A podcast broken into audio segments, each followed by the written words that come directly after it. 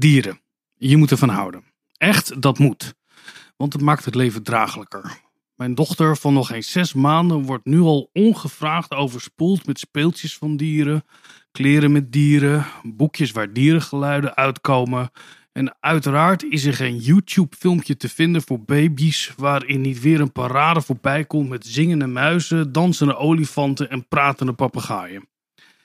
Je zou denken dat het zou stoppen bij dieren die je wellicht later in een dierentuin, netjes achter tralies, zou kunnen gaan herkennen. Kijk vader, dat is een olifant. Heb ik gezien op YouTube. Helaas, ze wordt ook gepusht om te houden van uitgestorven dieren, zoals die rappende dinosaurier. En als klap op de vuurpijl heeft ze sinds kort ook lievelingssokken. Sokken in de vorm van een eenhoorn met een regenboog. Ze is nog niet eens zes maanden. Hou van dieren, liefst zo snel mogelijk. Anders wordt het leven echt ondraaglijk. Deze podcast wordt mede mogelijk gemaakt door Code Clear. Duidelijk over websites en design. Vanuit Amsterdam is dit Onder Media Doctoren, de podcast waarin communicatiewetenschappers zich verwonderen over de media. Beste luisteraar, vandaag gaan we het hebben over dier en mens. En over hoe de media ons vertellen wat de band zou moeten zijn tussen ons en andere dieren. Dat doen we met Maarten Racing, verbonden aan de afdeling Mediastudies en het Instituut voor Interdisciplinaire Studies van de Universiteit van Amsterdam, waar hij colleges geeft over dier-mens-studies, oftewel Human Animal Studies. En hij is auteur van het onlangs verschenen boek Dierenmens, de band tussen ons en andere dieren. Nou, heel toepasselijk. Um, de Nederlandse inleiding in mens-dierstudies. En wat ook niet onvermeld mag blijven natuurlijk is, Maarten, dat jij mijn oude scriptiebegeleider ah, bent. En para-nymf bij mijn verdediging. Nou, dus ja, ja, ja, ja, ja wij, wij, gaan way back. Wat een um, intilt is dit weer, beste luisteraar. Maarten, waarom uh, was het nodig dat er zo'n boek kwam? Uh, het was nodig dat er zo'n boek kwam, uh, omdat, uh, nou ja, we hebben het in het Nederlands dier-mens-studies genoemd. We vonden het wel leuk om dieren op de eerste plaats te zetten, maar het is een vertaling van Human Animal Studies, zoals het in het Engels bekend staat. Of Animal Studies gewoon kortweg. Um, en het is, dat, dat is in, in de Anglo-Saxische landen, met name Engeland en Amerika, is het, is het vakgebied ontstaan natuurlijk ergens begin jaren tachtig. Um, ja, toen al. Nou ja, kijk, het is altijd een beetje arbitrair van wanneer een vak ont, uh, ontstaat. Hè? Maar toen kwamen de eerste uh, essays, met name dat van John Burger, waar we het misschien over gaan, gaan hebben. Want die zit eigenlijk op de grens van ook nog van, van mediastudies. Um, en, en daar komen dan weer reacties op van anderen die daarop reageren. En dan ontstaat er op een bepaald moment een vakgebied. Eigenlijk zoals je bij televisiestudies uh, John Fisk had, hè, die het over television culture had. En uh, daarvoor natuurlijk met Hartley over reading uh, television. Wat we toen nog niet eens zag, zagen als een nieuw vakgebied. Televisiestudies. Dat, maar achteraf gezien zijn dat een paar van de founding teksten van televisiestudies. Al was het maar omdat iedereen daarop reageerde. Omdat Fisk veel te populistisch was, et cetera. Je kent het wel. Nou ja, dus en precies hetzelfde is dus bij, bij animal studies gebeurd. Dat op een bepaald, gebied, uh, op een bepaald moment met terugwerkende kracht zie je dat ergens begin jaren tachtig ontstaat dat. Uh, waar kwamen deze onderzoekers of auteurs vandaan dan? Wat was hun disciplinaire uh, waren het cultuurwetenschappers of um, kwam het uit de cultural ja, studies? Ze, nou, ze, ze, kwamen, ze kwamen overal vandaan. Uh, het enige waar ze niet vandaan kwamen in eerste instantie was wat je zou denken. En wat ik nog steeds begin met uit te leggen dat animal studies niet is, namelijk uit de biologie. Ja. Daar werden dieren al bestudeerd. En traditioneel zou je zeggen van als je dieren aan de universiteit wil studeren, dan moet je biologie gaan studeren. Maar wat er gebeurde was dit. En uh, ik, laten we Burger maar nemen als uh, John Burger, die, die, die van, uh, van Ways of Seeing. Oh, ik zat de hele tijd te zoeken naar die titel. Ik dacht looking, looking, looking. Maar ja, Ways of Ways of Seeing. Ja, ja, ja. was natuurlijk een bekende Brit op, op BBC televisie met die serie en het bijbehorende boek. en, en Burger was niet eens per se een media studies persoon als wel een vi visual studies was hij natuurlijk, was zijn specialisatie.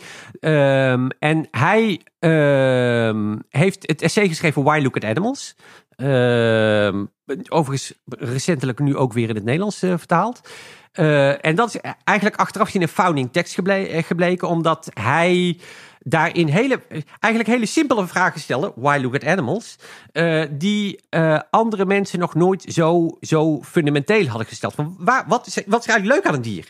En wat maakt een dier anders dan bijvoorbeeld een schilderij? Of een, uh, of een beeld van een dier? Of een eh, eh, gewoon heel. En, en, en wat doet dat op een andere manier met ons? Dus heel fundamentele vragen. Waarom willen we eigenlijk überhaupt met dieren samenleven? Dat soort van, eh, van dingen.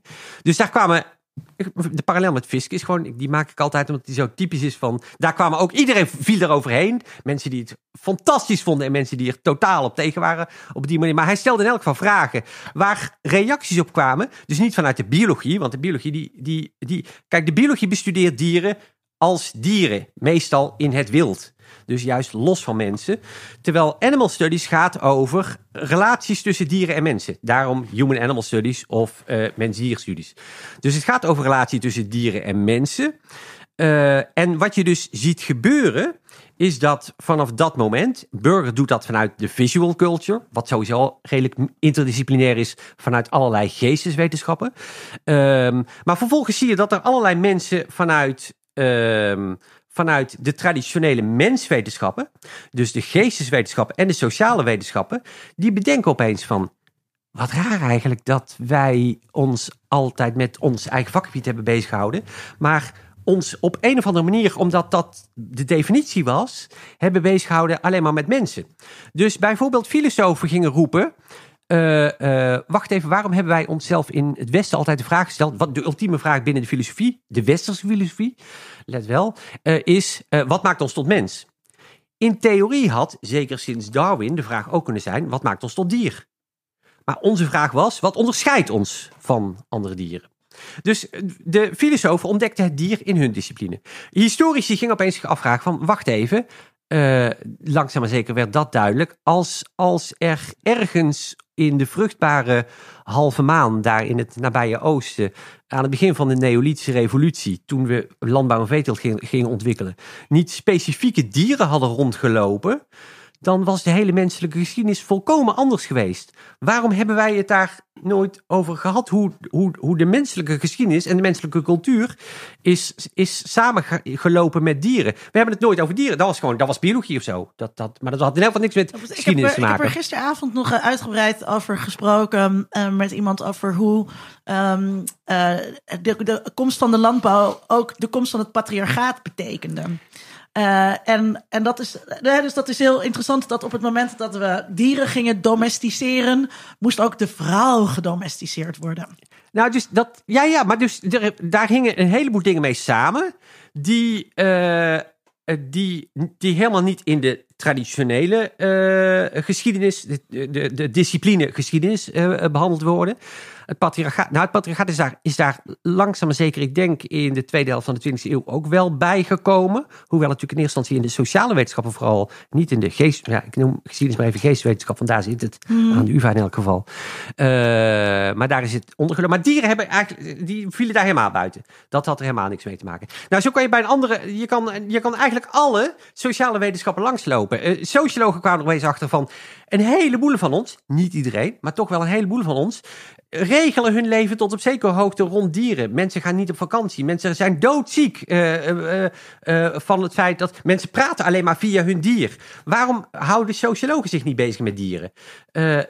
antropologen houden zich daar natuurlijk ook. Dierenrechten mensen gingen opeens roepen van juristen. Natuurlijk moeten die zich ook met dierenrechten bezighouden. Met andere woorden, al die sociale wetenschappen en geesteswetenschappen, die traditionele menswetenschappen, ontdekt opeens van helemaal wat raar dat we ons met mensen bezighouden, maar dat we dus dieren gewoon, dat is de blinde vlek geweest. Terwijl dat is helemaal, dat is niet intrinsiek logisch. Maar, um, uh, maar dat en dat, dus en dat, er... dat is dus, nou ja, dus zo om het verhaal van nou, terug te trekken naar de eerste vraag van Vincent. Uh, dus, dus eigenlijk alle uh, sociale wetenschappen en geesteswetenschappen, de traditionele menswetenschappen, gingen opeens hun blinde vlek het dier uh, ontdekken. Althans, dat gingen de, laten we, ik, zeg voor de grap altijd, dat gingen de dierengekkies bij die afdelingen uh, doen.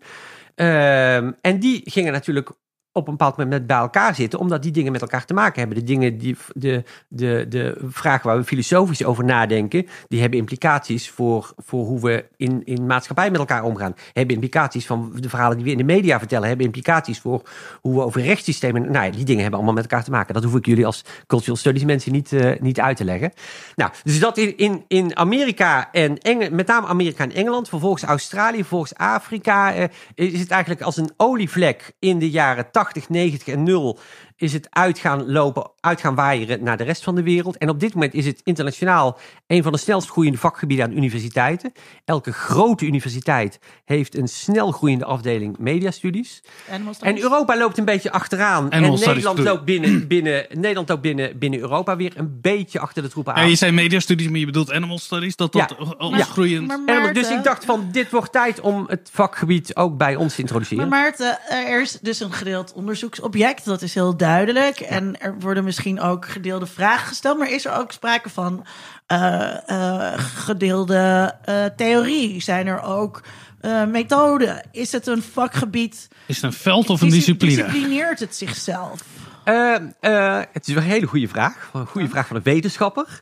Eh, dit is een van de kritiek, ook een van de interne kritiekpunten. Dat op- zover is het dan nog als vakgebied nog niet. Voor een deel omdat we ons pas langzaam realiseren hoe enorm groot is. Want als je er even over na gaat denken, dieren zijn natuurlijk overal. Van de onmiddellijke dieren, van de katten die hier rondlopen, eh, tot de dieren die we net gegeten hebben, tot de dieren dingetjes die we overal rond ons heen zien, tot, eh, nou ja, eh, als je erop gaat letten, tot de, de snoeppapiertjes die je in de supermarkt tegenkomt. Overal zijn beelden van dieren, echte dieren, dode dieren. ehm, eh, eh, dus we zijn op- opeens opeens is er een explosie gekomen van, oh, maar daar heeft het mee te maken, daar heeft het mee te maken. En dan hangt dat daar weer mee samen. En, en het grote, of het, nadeel, het ding wat moet groeien, is inderdaad, het is nog niet één discipline. Er zijn nog van allerlei mensen die van allerlei gebieden, vanuit allerlei gebieden, eh, met allerlei methoden proberen dingen boven tafel te halen. Maar Eh, hoe... dus dit is een heel goed punt. Nou ja, het is natuurlijk Waarvan ook- sommigen zeggen, daar zou zo snel mogelijk aan gewerkt moeten worden. En andere mensen roepen van, nee, nee, dat is juist een van de Ja. krachten. En dat moet je in elk geval voorlopig nog even zo laten. Ik denk juist ook dat bij nieuwe vakgebieden. ehm, eh, eh, je, moet dat ook wat, je moet dat ook wat tijd geven, zeg maar. En zelfs binnen eh, mediastudies of binnen televisiestudies hebben wij dat natuurlijk eigenlijk ook helemaal niet. Dus er zijn wat klassiekers die we allemaal lezen, maar er is helemaal geen eenduidigheid over eh methode bijvoorbeeld. Nee, maar inmiddels heb je wel, hoewel... En daar zijn we heel veel over aan het steggelen in eindeloos veel Ja. vergaderingen over bachelor thesis. En, ja, ja, ja, ja. ja, zeker. Eh, ehm, ja, nou ja, dus dat, daar, daar zit altijd een spanning in. Want aan de andere kant wil je tot op zekere hoogte ook wel... Je wil ook wel, zeker binnen het onderwijs... wil je ook wel je klassiekers hebben... waarvan je zoiets hebt van... die wil ik dat mensen gelezen hebben... of in elk geval kennen. Al was het maar om daarna terug te verwijzen... om je daar tegen af te zetten. Ja. Dus het heeft wel... eh, Volgens mij heeft elk vakgebied... en zeker interdisciplinaire vakgebieden... moeten altijd die spanning hebben van aan de ene kant... wat zijn de echt belangrijke werken? Waar moeten we op doorbouwen? Ja. En waar moeten we het vooral vrij laten? Uiteindelijk wil je natuurlijk toch ook naar gedeeld, eh, gedeelde taal. Eh, Ja. En elkaar Ja. goed kunnen begrijpen. In plaats van elke keer maar weer moeten uitleggen Ja. waarom je voor iets hebt gekozen. En tegelijkertijd, zodra die taal te veel vast ligt, eh, eh, smoort het creativiteit natuurlijk. Dus Nou. ik- ja, dit is, dit is een... Over deze versplintering moeten we het zeker een andere keer nog eens hebben. Ehm, zoals altijd aan mijn zijde, mijn vaste media media Oh ja, dokter. U hoorde haar al. Ja, dokter Linda Duits. Bonjour. Ehm, Linda, je was al aan het woord, maar hoe is het met Theo? Oh, ja, oh, zorgenkindje, Ja, vertel er eens even over. Nou, gisteren is er, is er kies getrokken. En ze heeft waarschijnlijk een allergie. Dus ik maak me heel veel zorgen. En ik voel me dan ook ehm, eh, meteen een heel slechte poezenmoeder. Eh, omdat ik eh, vind dat ik tekort schiet en zo. Maar het gaat heel goed met haar. En ze kwam gisteren terug en toen liep ze best wel snel vrolijk weer rond. En het is een taaie. Ja, onze Theo is een taaie.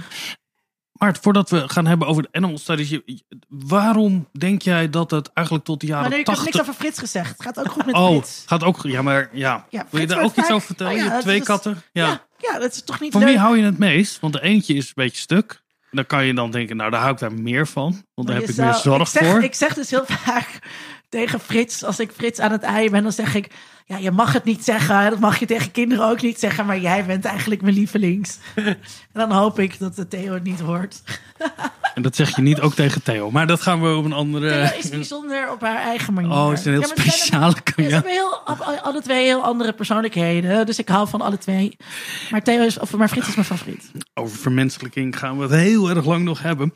En- en- Maarten, jij geeft aan dat in de jaren tachtig die animal studies begint. Maar waarom denk je eigenlijk dat die het zo lang... Waarom was die omissie er? Hoe verklaar je dat het zo lang daar niet over ging?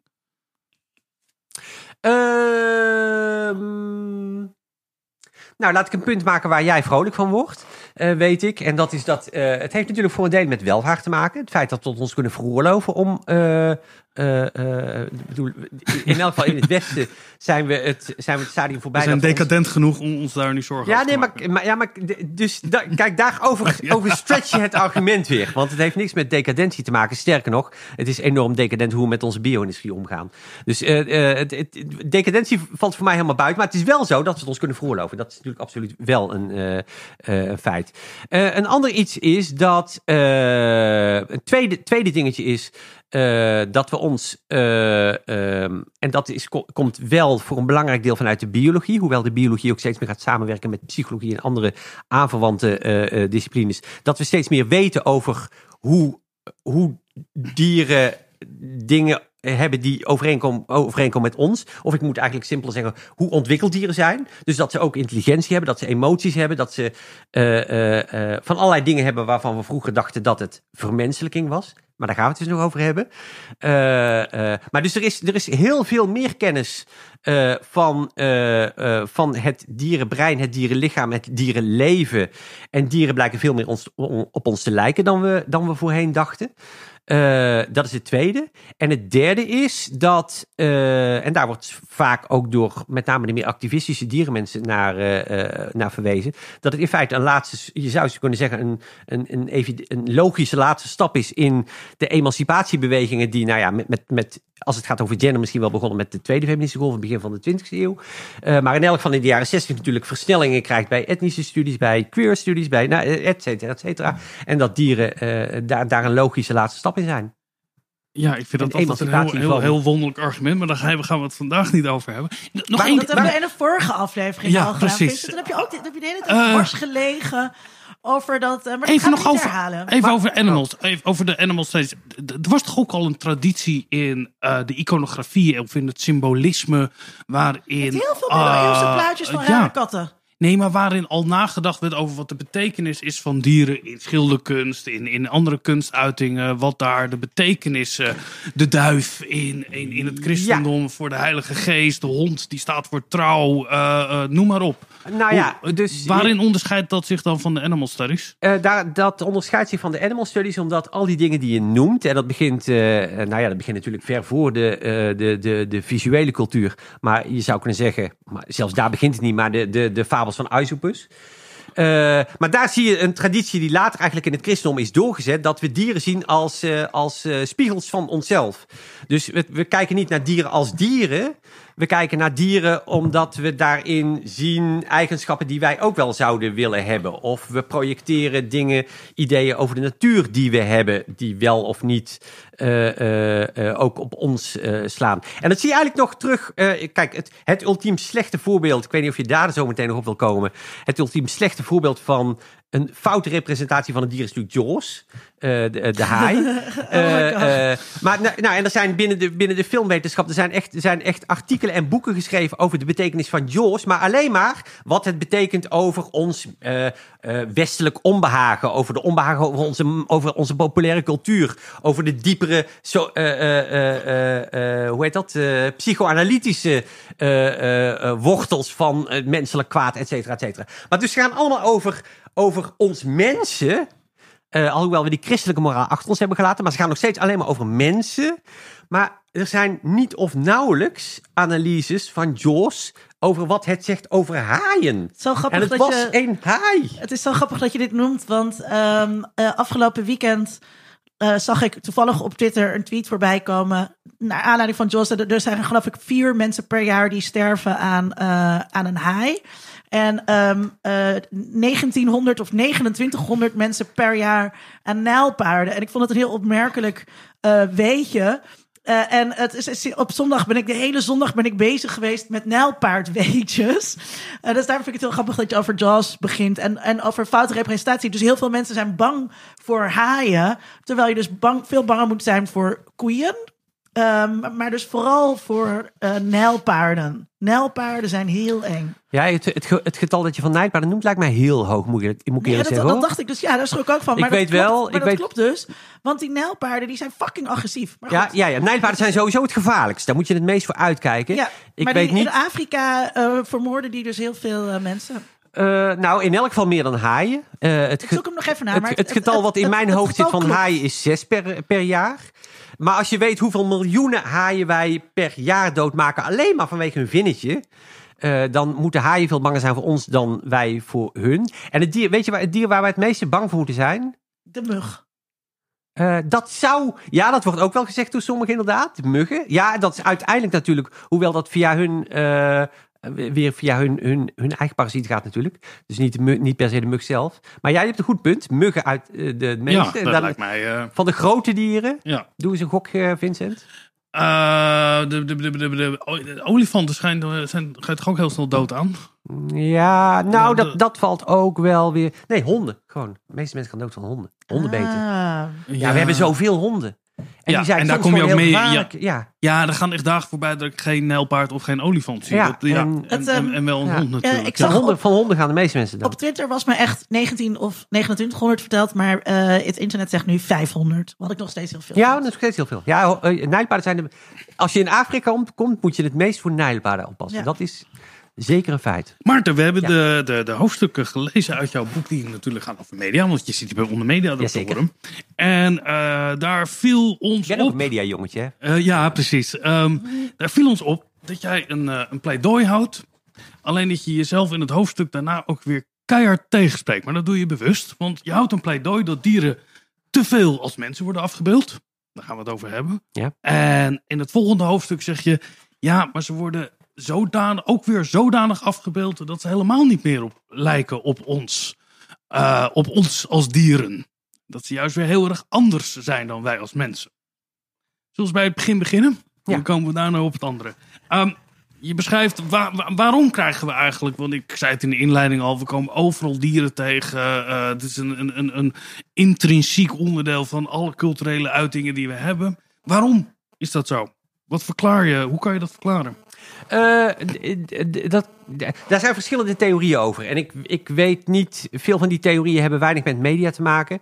Eh, eh, en en ik, ik, ik, ik, noem ze, ik, ik noem er een aantal in het, in het boek. Een daarvan is van, van de beruchte, beroemde bioloog Edward Wilson, die ook de sociobiologie heeft uitgevonden, zou ik bijna zeggen. Eh, eh, die zegt dat wij eh, mensen lijden, of lijden aan, maar in positieve zin lijden aan biofilia. Dat wil zeggen dat we houden van alles wat leeft. Alles wat leeft is leuk. Dus daar, en dat heeft ook een biologische oorsprong naar zijn idee.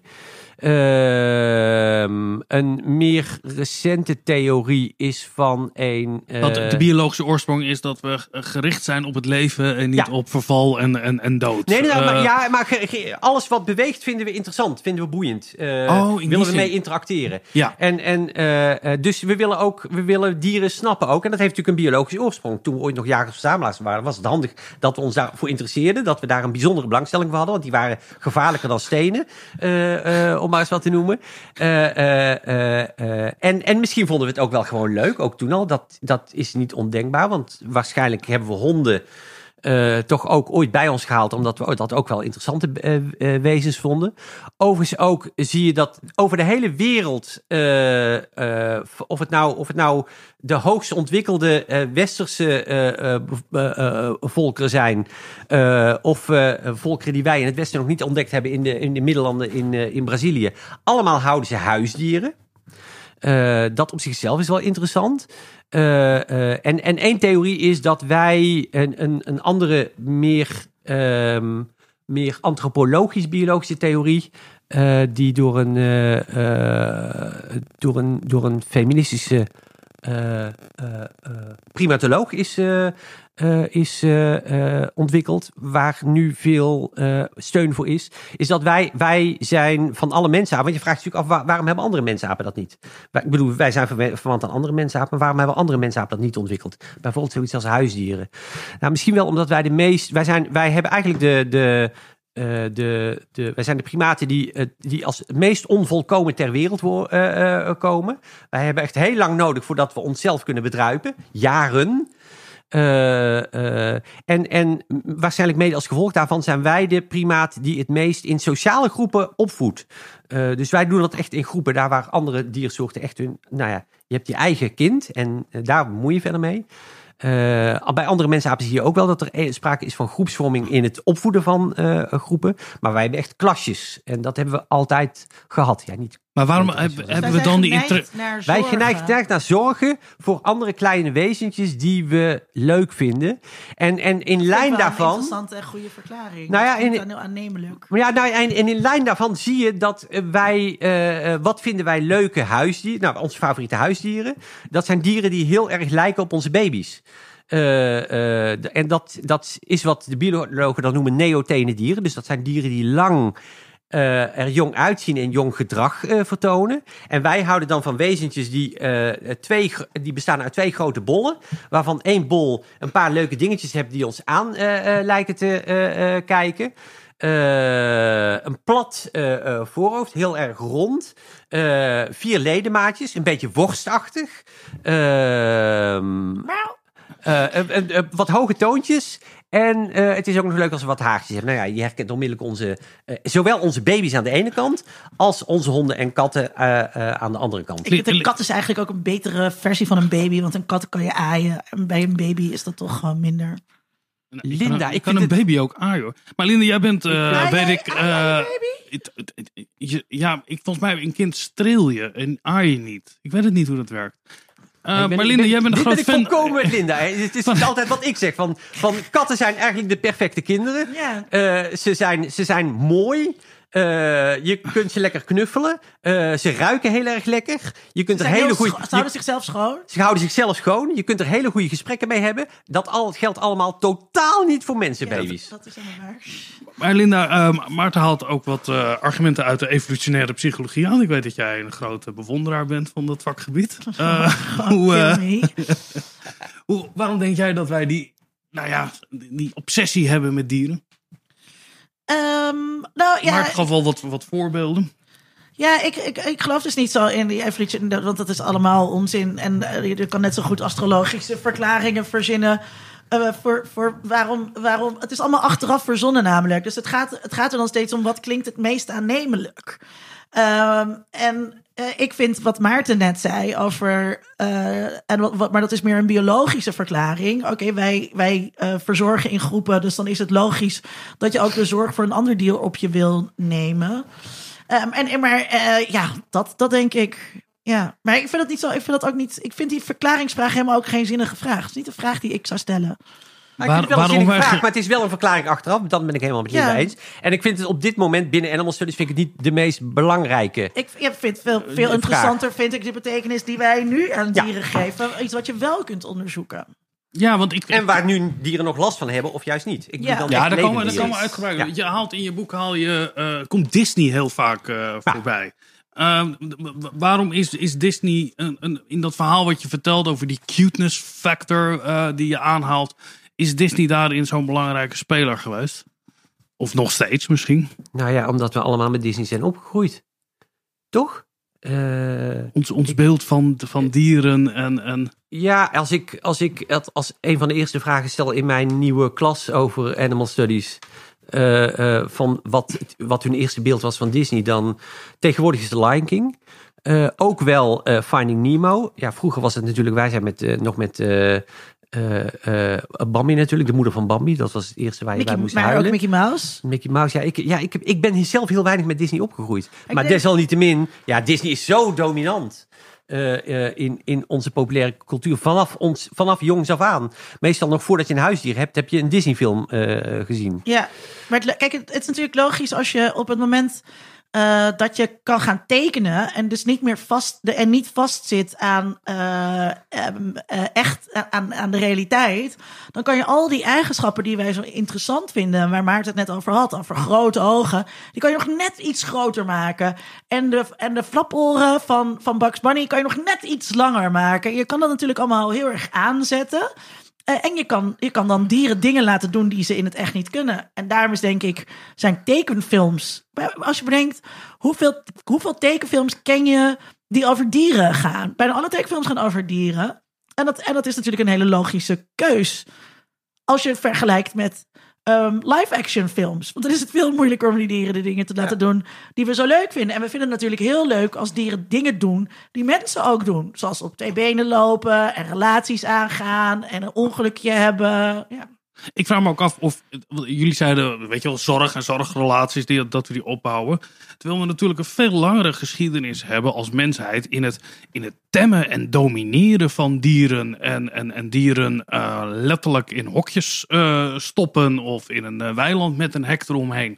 Of die, die, dat verlangen in de relatie tot dieren ook niet daaruit voortkomt. Uit een om te eh, domineren. Ja. Zo, en maar jij, bent, jij bent nu een baby. Je hebt nu een baby. Ja. En die moet opgevoed worden. Is dat niet ook...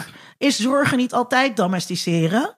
Jij moet straks gaan zorgen dat het, dat, dat, dat, dat, dat, dat kleine diertje dat het zindelijk wordt. Ja, dat dat, dat met, met zijn vork gaat eten. Dat ja. is allemaal domesticeren. Dus allemaal proberen dat kind naar je hand te zetten. Ja, maar dat dat dus die, die zorg altijd die keerzijde heeft, ook van, van, van, van inperken, van, van sturen van, en uh, structureren. En dat ook, om even het bruggetje te maken naar, naar de verbeelding en die cuteness daarin, dat het juist altijd de verbeeldingen zijn van dieren die niet bedreigend zijn aan de ene kant in dat soort Disney-films. Uh, en juist die grote ogen, omdat het allemaal uitingen zijn van niet eng in ieder geval. Uh, knuffelbaar, cute, zoals we al zeiden.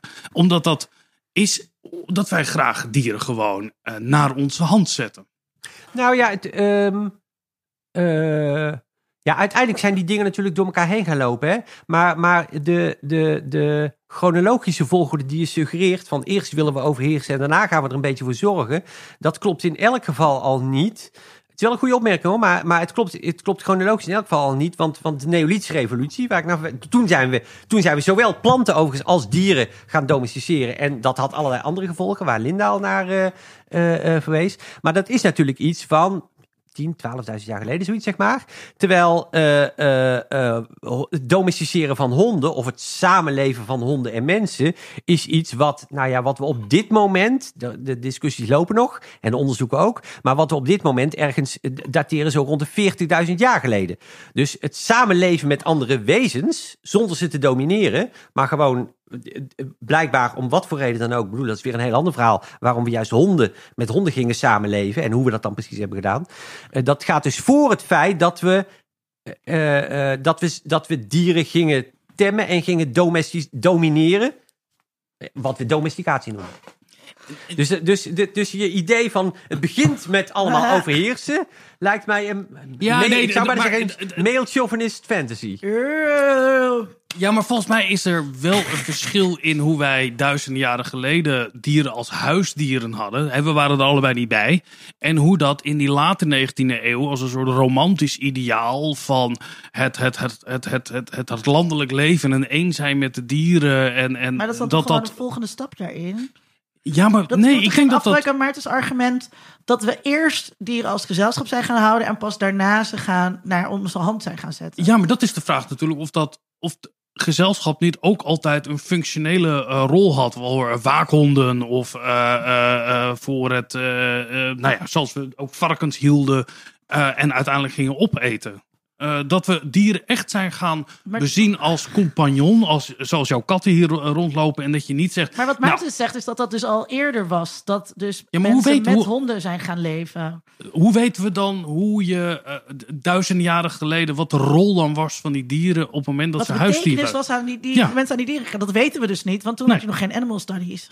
Nou, en, en, en nou, kijk, het nadeel van dieren, en dat roepen uh, historici ook wel, die zitten te worstelen met die vraag. Kijk, dieren laten niks na. Dieren laten geen teksten na of zo. Ze laten alleen maar hooguit wat beentjes na, die dan vaak door mensen daar ergens neer zijn gelegd. Dus ja, je kan de dieren moeilijk wat vragen. Hoewel historici op creatieve manieren historisch onderzoek naar dieren doen. Maar uh, uh, uh, terugkomen naar, naar je vraag. Kijk, vanaf, vanaf het punt van de domesticatie, dus van die Neolithische revolutie, toen zijn we echt dieren gaan domineren. En dat is misschien ook wel met terugwerk, als, we, als, we, als je er nu naar terug, dat is echt wel een zeggen veel mensen binnen Animal Studies, dat is een, fun, een, een, uh, een, een, een cruciaal, misschien wel de belangrijkste cruciale omkering in de geschiedenis van de mensheid geweest. Want toen realiseerden we ons, we kunnen domineren.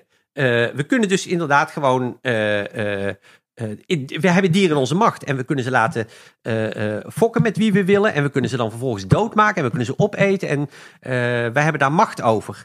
En dat heeft ehm, een omkering teweeg gebracht. Die, waarvan ik denk, maar daar, misschien dit, dat we hier pas in, het, aan, in de conclusie naar moeten Ja. komen. Waarvan ik denk dat we die langzaam maar zeker moeten we, moet, die moeten we eigenlijk, we moeten dat weer terugleren tot op zekere hoogte. Dat we samenleven met hen. Toen, we zijn vanaf dat moment gaan denken, wij kunnen alles. Wij zijn, eh, eh, eh, wij kunnen de, onze om, de omgeving, alles wat de natuur is. En de natuur is alles wat wij niet zijn. Wij kunnen dat overheersen. Wij hebben dat in onze macht. En in toenemende mate is dat ook gelukt. Dachten we, leek het, lange tijd. En, en voor corona hadden we natuurlijk al wel door van er zijn dingen fout aan het gaan. Het is niet zo dat we een complete macht hebben. Ja, en toen kwam corona. Dat was helemaal natuurlijk voor de mensen die, die, die hierover nadachten. En die echt niet alleen binnen Animal Studies, maar die, die over, op verschillende vakgebieden over onze relatie tot de natuur nadachten. Die wisten al dat wij dieren zijn en kwetsbaar zijn op dezelfde manier als dieren dat ook zijn. Maar nu eh, be- begrijpen we inderdaad dat we ons volkomen moeten, eh, eh, moeten, moeten opnieuw, opnieuw, verhouding op- tot- opnieuw tot moeten dieren, nadenken ja. over onze verhouding eh, eh, tot eh, de natuur in het algemeen en dieren in het bijzonder. En volgens mij zijn daar twee grote lijnen in. De een is, is de, de ecologische, het ecologische aspect. Het lukt gewoon niet meer. We zijn de aarde aan het, aan het, aan het vernielen. En het tweede is het ethische aspect. Eh, eh, eh, los van het, zelfs als we het wel zouden kunnen, moeten we ons afvragen met wezens die zo op ons lijken, waar we het recht vandaan denken te halen, dat we met ze kunnen doen wat we, wat we willen. En die twee dingen die zijn, die zijn elkaar, denk ik, op dit moment alleen maar aan het versterken. We moeten daar echt op een andere manier over Ik, nadenken. ik las dat het echt heel letterlijk ook is dat met uitdijende steden er bepaalde diersoorten meer in aanraking komen met mensen, waardoor er ook weer virussen eerder die eigenlijk besloten lagen ergens eh, in de oerwouden, nu eerder ook een, eh, hun weg vinden in, eh, bij mensen. Dus juist ook dat die grens tussen daar wat het, waar de dieren waren en de grens waar de stad is, omdat die opgerekt wordt, dat ook vaker voorkomt. Eh, ja, dat is wat er. Dat is een van de dingen die er aan het gebeuren Maar zijn. je benoemde al, eh, Animal Studies gaat, eh, je zet het ook in een lijn met andere studies die een emancipatoire doel hebben. Ja. In de, in de verbeelding van dieren. Want in je boek haal je aan dat dieren te veel als mensen worden weergegeven. Wat dan ook wel antropomorfisme wordt genoemd. ja. Wat is daar het probleem eigenlijk van? Ehm, nou, het probleem daarvan is dat ze. Eh, dat ze natuurlijk geen mensen zijn. Dat ze. eh, dus ik bedoel. ik- dit, is hele, di- dit is gewoon het, dilemma waar we moeilijk vat op kunnen krijgen. Dat dieren natuurlijk aan de ene kant hetzelfde zijn als wij. En aan de andere kant anders zijn als wij. Alle twee die dingen kloppen evident. En dat is vrij logisch, want wij zijn dieren. Eh, te midden van andere dieren die ook allemaal van elkaar verschillen weer. Dat vergeten we soms nog wel eens, of dat hier ondergeschikt. Alsof wij uitzonderlijk zijn en alle andere dieren bij elkaar op een hoopje gegooid kunnen worden. Ehm, de clue is dat, dat eh, ehm, als we dieren te veel vermenselijken, ehm, dat we. nou, het, het begint er natuurlijk mee dat, eh, dat we ze daardoor gaan behandelen als mensen, terwijl dat helemaal niet aan hun behoeften voldoet. Bijvoorbeeld, dan gaan ze kleertjes aantrekken. Eh, sowieso mensenkleertjes, die waarschijnlijk niet helemaal, helemaal niet lekker zitten. Die ze aan hebben op momenten dat het voor hun veel te warm is. Maar wij vinden het gewoon grappig, dus we doen ze ze aan. Je, je, je, je, je hoeft maar de beelden van de bekende popsterren, de Paris Hiltons, de eh, Justin Biebers en zo, eh, erbij te halen om je dat te realiseren. Dus het is, het is niet in het, eh, het, het is niet in het belang van de wezens met, met wie wij samenleven. Dat betekent soms ook dat je, eh, dus het is niet in hun belang. Het is uiteindelijk ook niet in ons belang. Punt 1, omdat die dieren vervelend gaan Wacht doen. even, wacht even, wacht even Maarten. Want ehm, dat ik eh, mijn katten persoonlijkheden toeken. eh, dat ik eh, daar eh, op basis van, van de- dat opleggen van die persoonlijkheden met hen interacteer. Is toch wel in het belang van mijn katten. Want daardoor wonen ze bij mij. Zorg ik voor ze en hebben ze hier een luizenleven. Ah, kijk, nu, ja, nu komen we ergens verder. Want het feit dat jij dat doet. Het is grappig dat je, dat je dit nu in de discussie brengt. Want betekent dit dat je dit. Dus je, je ziet je katten als persoonlijkheden. Dat je dat ziet als een vorm van vermenselijking. Ja, Ze hebben een naam. En, en, en, en, Dat is toch bizar, Linda? Dat jij dat zegt. hoezo? Nou kijk, het is, je zou kunnen zeggen, het is hooguit een vorm van vermenselijking als je ze, hoe heet ze ook weer? Frits en Theodora. Nou ja, als je ze menselijke namen geeft. Daar hebben ze verder niet zo heel erg veel last van. Dat maakt ook verder niet uit. Dat op zichzelf, daar is niet zoveel mis mee. Maar dat je ze ziet als individuele persoonlijkheden. Linda, dat zijn het! Het zijn individuen met allemaal individuele persoonlijkheden. Dat we dat. En, en de, het, het interessante is natuurlijk dat iedereen die ook maar. Dus ik vind het. Ik, je zult zo meteen ook zeggen van ja, ik formuleer dat misschien niet helemaal goed. Het, het, het, interessante is dat eh, eh, mensen die met huisdieren leven, dat die dat binnen. Nou, twee weken is al te lang. Binnen twee dagen of binnen twee uur doorhebben. Ja, ja, ja. Ik, had je- meteen, ik had meteen door wat voor persoonlijkheden ik, eh, ik hier Ja, had. maar ik- Daarom. ja, maar nu- en het zijn individuen en het zijn Ja, nee, maar nu individuele ga ik. Nu ga persoonlijkheden. ik. Is, is de term individualiteit eh, als, als concept wel toepasbaar daarbij bij, misschien zijn bij, bij dieren? Ja, kan, kan je. Het gaat dan niet over indi- maar dan gaat het over subjectiviteit. d- nou, dat is de vraag aan Maarten. Eh, Ja. het, het, ja, het zijn subjecten, eh, maar kunnen ze ook een individualiteit? Maar zijn ik- het subjecten? ja, want ze zijn in. in, In Foucaultiaanse zin. in- in- ja, omdat ze in een context leven waarin bepaalde structuren zijn waarbinnen zij zich bewegen. Maar en zij een- zijn toch en- niet... Nee, en- en Foucault bepaalde zegt, je mate- Wordt, je wordt door, door je, verschillende vertogen... Ja, je wordt tot- jou Ja, tot, je- tot subject. Ja, dus, en daarom hebben wij bepaalde identiteiten. En Ja. daarom eh, scheer ik mijn benen. En zit ik, eh, als ik over mezelf Ja, dat zeg ik, dat ze in ik dat ik een bepaalde- vrouw ben. ja. Dat, dat, dat doet Theo helemaal niet. Theo is niet discursief tot subject gemaakt. Ze is misschien een individu met een persoonlijkheid. Maar volgens mij staat hij buiten het discursieve. Staat zij buiten het discursieve. dat, dat maakt katten een vrijere wezen En dat, dan... maakt ze, dan niet, dat maakt ze geen, tot, geen subject in Foucaultiaanse zin. Fuck, hé. Ik had jullie toch eh, eh, de hele boek op moeten sturen. Realiseer, realiseer ik mij nu. Hoofdstuk, Wat? hoofdstuk 8. Ja, want, want, want nou, om te beginnen moeten jullie even het, het, in elk geval de laatste twee boeken van Frans de Waal lezen. Eh, eh, want, Ik pijs er niet over, maar dit, eh, vertel. want, want dan begrijp je wat het ook betekent dat, dat, dat dieren werkelijk individuen zijn. Eh, dat, ehm, dat, ze dat ze allemaal op heel verschillende manieren ehm, hun leven beleven. En dat je dat ook kan onderzoeken. En dat dat daaruit ook blijkt. En ehm, en, en de, de, de, de manier waarop jullie praten over Foucault en zo, bedoel, dat is nou juist een van de dingen die we aan het afbreken zijn binnen, binnen, binnen Animal Studies. Alsof het zo is dat je alleen maar in op talige manieren Ja. tot een subject kan worden.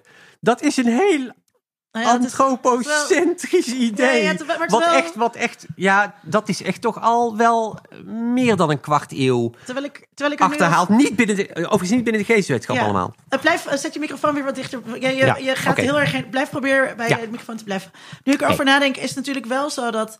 eh, eh, eh, dus de Theo is niet, eh, is, niet- is niet discursief gevormd tot, eh, tot de koningin die zij is. Maar natuurlijk wel dankzij haar relatie met mensen, waar ik verder niet bij was. Hè. Toen ik haar kreeg, was ze al drieënhalf.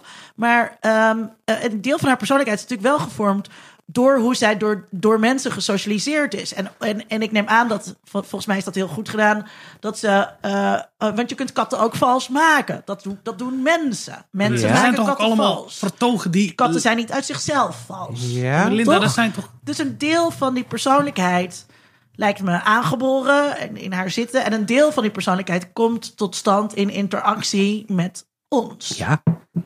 Ja. Dus dan wordt ze wel tot subject, tot subject gemaakt. Ja, weet ik nog steeds niet. Nee, ik ben... Ik, Ja, nee, ik een voorbeeld... De, de vertogen individu, die... niet tot subject. Nee, maar de vertogen die bestaan over gezondheid. Hè? Eh, jouw kat eh, een kies is getrokken en jij kreeg de vraag van de dierenarts dat je de tanden moet gaan poetsen van je kat. Dat, en dat grijpt letterlijk in haar lijf in, want er moet straks wel een tandenborstel in de bek en wat dan ook.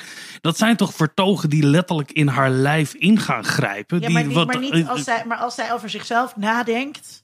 Ja, maar dat is dus de vraag. Is, er, is, er, is de, het concept individualiteit wel van toepassing voor dieren op het moment dat je zegt hoe zij over zichzelf nadenkt? Als jij moet er een vorm van reflectie eh, eh, eh, zijn ten opzichte van je omgeving om te kunnen spreken van individualiteit.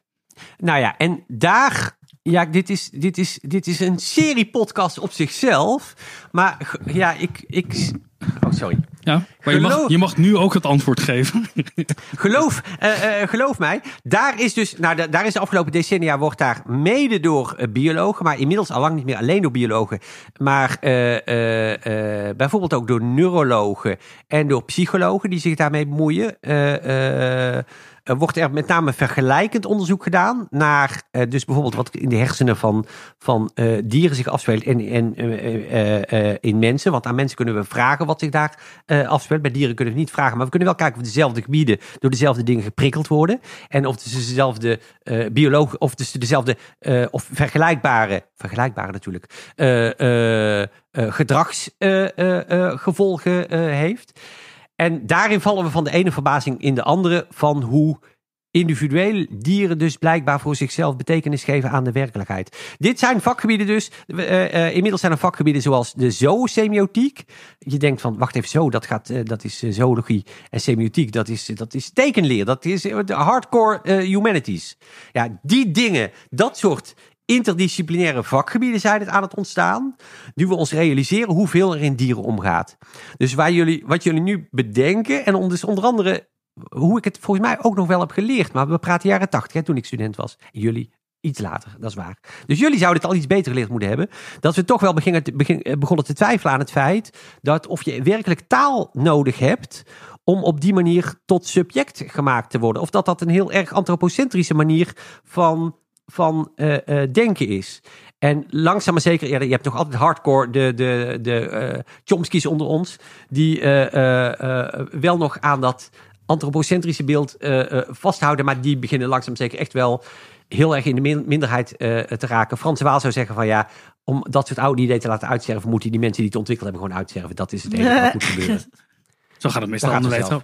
Ja, het doet me erg denken aan Nim Chimpsky. Dit, Ja, dat ken je. Ja, Dat- ja, ja, maar ja. Die dat- is natuurlijk, dat was een ironische verwijzing naar. Eh, ja, ja, nee, dat snap ik. Ja, nee, die, die, die had ik meegekregen. Maar ehm, even terug, want jij.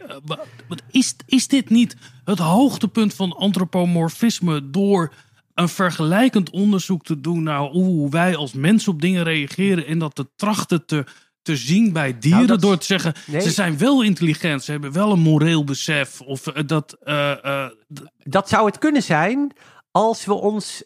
ehm, en dat hebben we lang gedaan, als we onszelf als uitgangspunt na, namen. maar jij geeft zelf het voorbeeld dat er vergelijking wordt gemaakt vanuit een, een neuroperspectief. Ja, ja, ja, ja, ja. Maar nu doen we dat met het idee van... we zijn als mensen maar beperkt. We, we hebben alleen onze menselijke manieren van denken. We hebben een menselijk brein. Dat heeft voordelen, maar dat heeft ook grote nadelen. Maar we kunnen dus... Dus laten we beginnen met eh, bijvoorbeeld met mensapen. En dan met andere zoogdieren. Om te kijken... eh, ehm, eh, of als je de, ze dezelfde soort prikkels geeft, of er dan dezelfde hersengebieden op dezelfde manier lijken te gaan werken en of ze hetzelfde gedrag vertonen. Niet omdat wij denken dat dat beter is of dat dat de ultieme manier is, maar omdat we ons nu realiseren dat wij maar een hele bepaalde manier hebben van nadenken. Eh, en en eh, dat we dat even als uitgangspunt moeten nemen, omdat andere dieren die verder van ons afstaan, nog veel moeilijk, dat we die nog veel moeilijker kunnen begrijpen. Dus laten we beginnen bij wezens die enigszins bij ons staan, juist omdat we de beperking van ons begrip eh, eh, eh, begrijpen. Met, Dus- met het risico dat we nu eh, vervallen in dezelfde discussies als in de vorige aflevering dat je te gast was. Ehm, ik heb daar toch wel problemen mee. En ik moet daarbij nadenken aan, of ik moet daarbij denken over vrouwenstudies en over standpunttheorie. En op het moment toen, toen vrouwen eh, gingen naar de universiteit gingen, toen zeiden ze: de geschiedenis en de wetenschap is altijd door een mannenblik eh, bezien. En, en wat gebeurt er als we dat door een vrouwenblik eh, gaan bezien? En daar zijn die vrouwtjes heel druk mee bezig geweest. En dat doen we nog steeds. En we hebben genderstudies. En een van die dingen die daaruit voort is gekomen is standpunttheorie. En dat gaat over, hè, moet je een bepaalde subjectpositie hebben om iets te kunnen bestuderen. Dus kun je eh, als het gaat over eh, eh, racisme in de media in Nederland, moet je daarvoor zelf van kleur zijn. Nog steeds heel actueel debat natuurlijk. Ja, dat is een heel actueel debat. En dat vind ik allemaal ontzettend interessant. Punt hier blijft, en daarom zeg ik dat we niet moeten terugvallen in de discussie die we vorig jaar hebben gevoerd. Je kunt het, die, die dieren, die dieren hebben niks te maken met animal studies. Die, die doen daar niet aan mee. Die zijn niet aan het theoretiseren over hoe fout de mens hen altijd heeft benaderd. Zoals vrouwen hebben gedaan bij eh, eh, het, onderzoek dat altijd door mannen is gedaan. Wij, of, bij Foucault te blijven, wij kunnen helemaal niet buiten een menselijk vertoog treden. Hoe wij naar, dit kan helemaal niet. Want wij zijn mensen. Ja, ik, ik, ik heb even moeite om de link met vrouwenstudies te maken. Hoe je de parallel wil trekken. Ik heb wel een antwoord. Misschien dat dat... Nou, het was altijd. Hè, dus mannen bekeken de wereld vanuit een mannenblik. En Ja. vervolgens gingen vrouwen naar de universiteit en die bekritiseerden dat. Die zeiden: Ja. jullie hebben steeds de wereld alleen maar door een mannenblik begrepen. En jij zei net: we hebben dat steeds alleen maar door een mensenblik begrepen. Ja? Oké. Maar, maar we kunnen daar niet buiten treden, want we zijn mensen. En als we dat anders moeten, moeten we dan niet luisteren naar de dieren. Nou, maar Linda. Je geeft zelf het antwoord. Maar, dat, maar dieren kunnen helemaal als niet vertellen. Ik, ik praat heel veel tegen Theo en Frits. En ze, ze, ze, en ze, en ze communiceren met me terug. Maar ze kunnen niet aanwijzen welke onderzoeksvraag ik nu voor hen moet gaan beantwoorden. Ja, maar toch, Linda, je, je, je, je maakt veel slimme opmerkingen dan je zelf door hebt. Eh, door te zeggen van... Ze, door- Vrouwtje. Nee, nee, nee. Leuk dat perspectief voor jou. Nee hoor. Blij dat ik naar de universiteit mocht. Nee, zo bedoel ik het niet. Want zo praat ik ook tegen, het over, tegen Ja, nee, dat, Nou, dat, dat, dat- maar, maar eh, eh, eh, nee, eh, ehm, eh, eh, je, je maakt al een vooruitgang door te zeggen van eh, ze praten niet tegen mij op dezelfde manier, maar ze communiceren wel tegen mij. Ja, ze communiceren dus inderdaad. De clue is dat wij. eh, maar wij eh, moeten altijd de interpretatie voor het dier doen. eh, nou, eh, nog wel en nog wel binnen bepaalde contexten. Bijvoorbeeld binnen de politieke context. Het heeft geen zin als je daar naartoe wil. En ik zal even een, ik, expres dat voorbeeld geven, omdat ik naar een ander voorbeeld toe wil. Eh, het heeft weinig zin om eh, eh, Frits of welke Bouvier of wel dan ook mee te nemen naar de Tweede Kamer om daar zijn zegje te doen. Dat heeft inderdaad geen zin. Dat moeten wij in elk geval nu nog voor ze doen. Of er zijn bepaalde mensen die dat willen doen. Maar we kunnen wel met ze communiceren. En we kunnen veel beter met ze communiceren dan we denken. We hebben gewoon nooit willen luisteren. Ofwel omdat we er geen aandacht voor hadden. Ofwel omdat we er geen belang bij hadden. Ofwel omdat we er vooral belang bij hadden om niet naar ze te luisteren. Inmiddels, inmiddels eh, zie je dat, en nogmaals, dan kom je terug bij de biologie. Dus de biologie heeft ook wel iets met animal studies te maken, want dat brengt ons tot inzichten die waar andere vakgebieden weer wat mee kunnen. Inmiddels weten we dat dieren veel complexer in elkaar zitten dan wij ooit dachten. Dat ze intelligentie hebben, et cetera, et cetera. Dat ze op manieren eh, eh, communiceren met elkaar en veel ingewikkelde boodschappen met elkaar communiceren dan we ooit dachten. Het probleem was altijd natuurlijk ook, het probleem was dat en dat, hebben we even geprobeerd om hun mensentaal te geven. eh, door ze te laten praten, maar dat lukte niet erg. Zeker niet met mensapen. Dus we gingen ze gebarentaal eh, leren. Dat lukte ook maar beperkt. Eh, en het probleem, het omgekeerde probleem is dat wij niet zo goed hun taal leren. hun taal kunnen horen. Dus bijvoorbeeld vogels, die communiceren heel snel.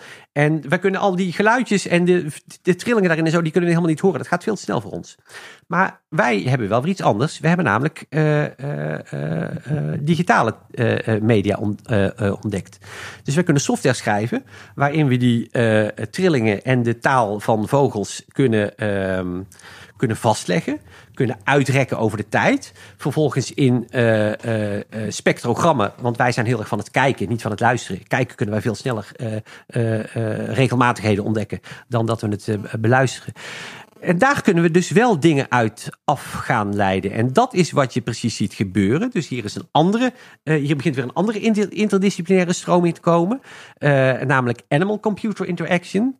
Waarin we dus inderdaad door middel van allerlei vormen van, van softwareprogramma's eh, talen van dieren leren begrijpen. En ze proberen te laten terugpraten. En dat begint te werken. Maar hebben we niet twee verschillende discussies nu? Want die, die, die eerste discussie, en het schiet me nu te binnen in aflevering 34, hebben wij de vraag eh, gesteld. Dus luisteraar, bent u daar geïnteresseerd in? Luister die terug van een paar jaar geleden hoe wij er toen over dachten. Als het echt aflevering eh, 34 ja, is, ben je precies. briljant.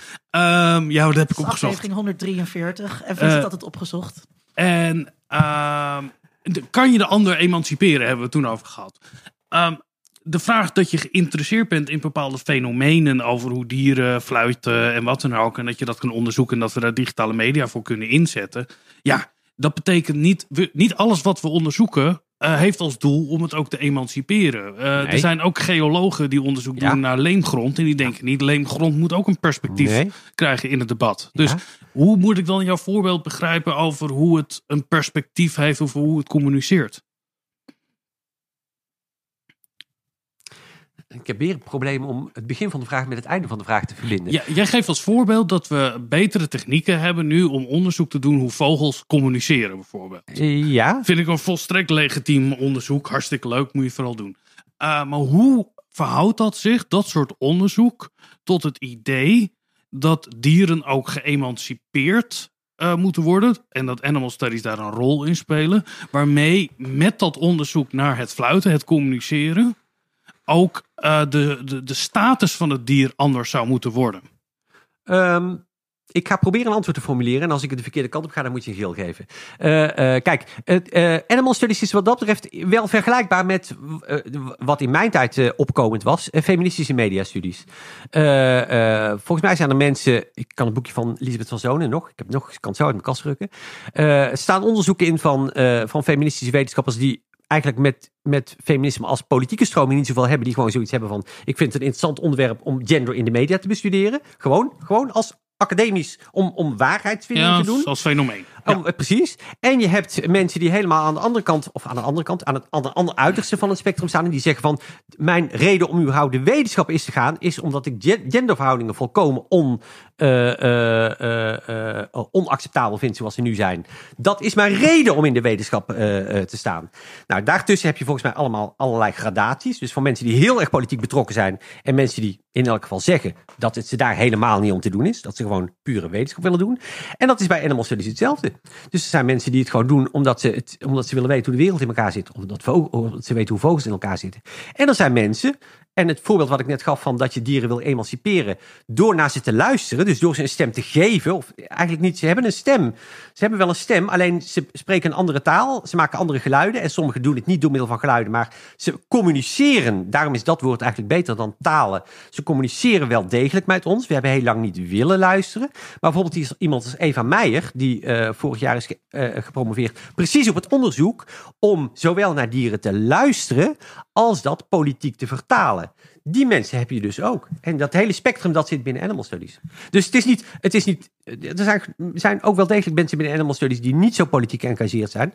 Maar je kan het wel zijn. De twee staan los van elkaar. Ik wil toch even terug naar dat antropomorfisme. Want ik stelde jou de vraag over wat is nou eigenlijk het probleem. Toen gaf je als voorbeeld, ja, we, we kleden dieren aan. Ja.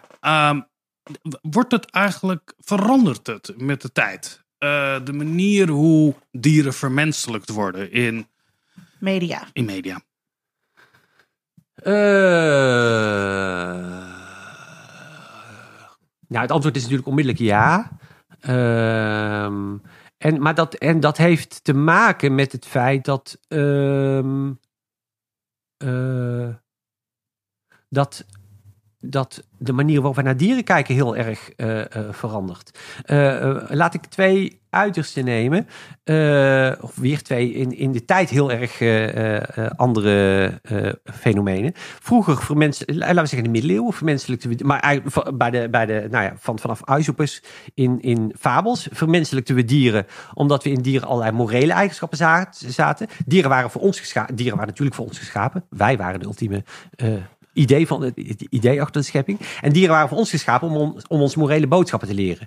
Dus eh, de vossen waren fout, dat waren sluwe beesten, dat moest je niet willen zijn. En, en leeuwen waren trotse en dappere beesten die je wel moest, die, die, die God ons als voorbeeld had gesteld om hoe wij mensen wel moesten zijn. Dat is een vorm van vermenselijking, zoals we die vroeger hadden. Nu hebben we een vorm van vermenselijking. Nou, Linda heeft er net een gegeven. Niet doordat, nou, doordat ze dieren menselijke namen gaf, waar ik verder niet, heb ik verder niet zoveel probleem mee, want die dieren hebben verder geen enkel probleem mee dat ze een menselijke naam Het krijgen. is nou ook niet dat ze luisteren of zoiets. Wel, Maar soms, soms Ja, niet ja. eens dat ze luisteren. Ja. Eh, maar wij vermenselijken nu eh, eh, dieren. Eh, soms te veel door ze mensen kleertjes aan te geven. Maar we vermenselijken ze sowieso. En daar is helemaal per se niks mis mee. Doordat we onze dieren in toenemende mate als onze kinderen zien. Die eh, Linda praat ook over haar dieren. En ik, dit is helemaal geen verwijt, want dat doe ik namelijk Mm, ook. ja. En ik doe dat heel bewust en ik vind dat Ja. ook oké. Eh, mits ik maar me realiseer dat het niet mijn kinderen zijn. En dat het ook geen Ja. mensenkinderen zijn. En dat ik ze ook dus niet als mensen de hele tijd moet gaan zitten behandelen. Maar ik praat ook over mijn kat. Mijn kat is mijn kattenkind. Dat, Maar dat is en zo- zo voel ik het ook. Dat komt dus denk ik ook omdat we... Dus snap je? Dus dit is goeie- antwoord op nu even op Vincent's Ja. vraag. Van, dus je ziet dat met de verandering over hoe we over allerlei dingen denken, maar ook over dieren, zie je dat we ze ook op een andere manier gaan vermenselijken. Ik denk dus ook dat dat komt omdat, er, omdat we geen ander vocabulaire hebben. Dus we hebben een heel beperkt... eh, dus, dus goh, jij, jij houdt veel van je kat en jij zorgt goed voor je kat. Oh, je bent een kattenmoeder, want we hebben geen ander label dan moeder. We, we hebben, geen, ander, we hebben ja, geen andere woorden. Ja, waardoor het, het, het kind wordt in een relatie tot, ja, tot een want- ouder. want en, ja. Hoe jij met jouw baby omgaat is toch echt heel anders dan hoe ik met eh, Frits en Theo omga. Dat hoop ik wel. Uh, En dat hoop ik voor iedereen. Maar Voor jouw kind, voor jullie tweeën, voor Ja. jouw kat. Ja. Eh, voor hoop ik voor iedereen. Maar Ja. nee, Linda, je hebt, een, je hebt een heel goed punt waar Dank je. op dit moment. Weer, weer een. Punt is Eh, heel goed punt waar op dit moment bi- binnen de. Binnen de het binnen is toch Studies- scriptiebegeleider. Nu ben ik wel jaloers. Ja, ik heb jouw scriptie begeleid. Eh, nee, maar dus dat, het, dat, we, dat we misschien op zoek moeten... Sowieso, woorden, woorden doen natuurlijk heel erg toe. Dat hoef ik jullie ook helemaal niet uit te leggen als cultural studies mensen. En dat we... ehm, eh, dat we heel erg, heel erg aan het zoeken zijn naar, eh, naar ehm, eh, woorden voor onze relatie tot dieren. Dus inderdaad, nu, ik ben het, ik dit is een punt wat ik zelf soms maak in mijn, eh, in mijn eh, colleges. Dat, we, dat, we, dat, we, dat het praten in termen van, van menselijke relaties, dat dat een substituut is voor iets waar we nog Ja, niet en een goede naam voor hebben gevonden. Ja. Omdat, omdat überhaupt het serieus nemen van de relatie die veel mensen met dieren heel erg prettig vinden. En die we ons nu kunnen veroorloven. En nou ja, daar hebben we het allemaal over gehad. Eh, en waar volgens mij ook niks mis mee is. In principe, zolang je het maar niet als mensen, kinderen dat te lang te ver doortrekt. Maar we hebben daar nog niet de goede taal voor om, daar, om dat als een eigen apart soort relatie Ja, eh, te zien. ja. Daarom worden wij, wij dierenmensen soms nu ook verweten van... jullie denken dat het echt een kind is, maar het is helemaal geen kind. Nee, dat snappen wij ook wel. Sterker nog, ik heb specifiek geen kind genomen en een kat... omdat ik een kat veel leuker vind dan een kind. Ik snap echt het verschil wel. Dat is de reden waarom ik een kat heb. Ja, ja, goed gezegd. Goed gezegd, Maarten. Wow, wow, Maarten. wow. Ja. Eh, Maarten, in je, in je boek haal je, eh, na je hoofdstuk dat gaat over deze vermenselijking, eh, haal je een heel specifiek genre aan, eh, de natuurdocumentaire. Ja. En daar zeg je over dat in tegenstelling tot al die, die, die, die populaire cultuuruitingen die er zijn, waar dieren heel erg vermenselijkt worden, zeg je dat daarin juist eh, wat daar terugkomt, juist voorgesteld worden als totaal andere wezens dan dat wij zijn. Ja. Ehm, Ja, we, verklaar gaan, dat we gaan nu de steppen op. Ver- ver- En ver- op de verklaar dat. steppen. Maar schets eens even de, de natuurdocumentaire als genre. Nou, Want je geeft daar veel aandacht aan in je boek. Eh, nou, ik, ik geef daar, ik, ik, even, even bij wijze van voetnoot, ik geef daar veel aandacht aan, omdat binnen Animal Studies eigenlijk, naar mijn idee, er te weinig aandacht is voor mediastudies.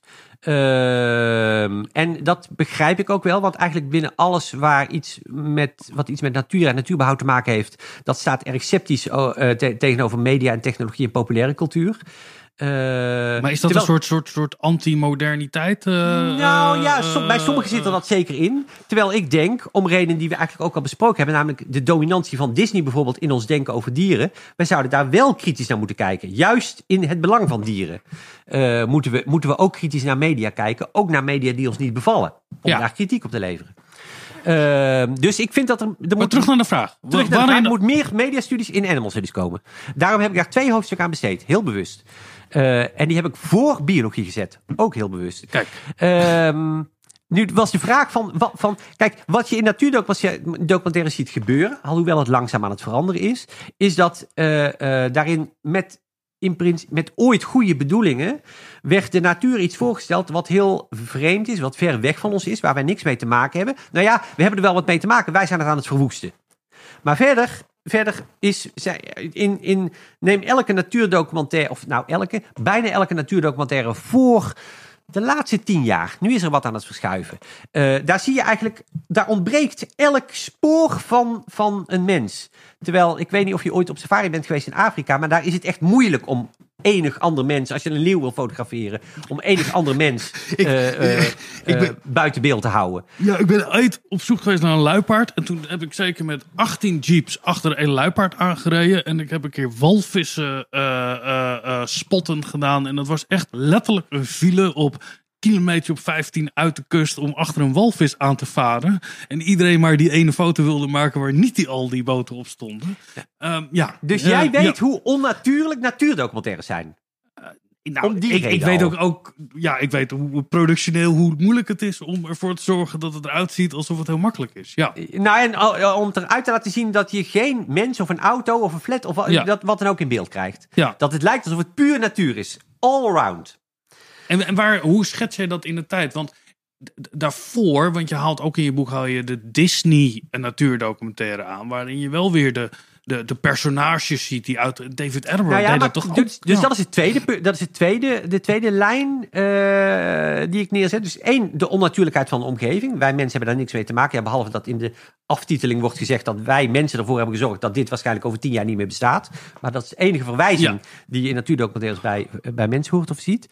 Eh, het tweede wat raar is, is dat, eh, dat in natuurdocumentaires eh, dieren worden neergezet als behorend tot hun soort. En typische vertegenwoordigers van hun soort.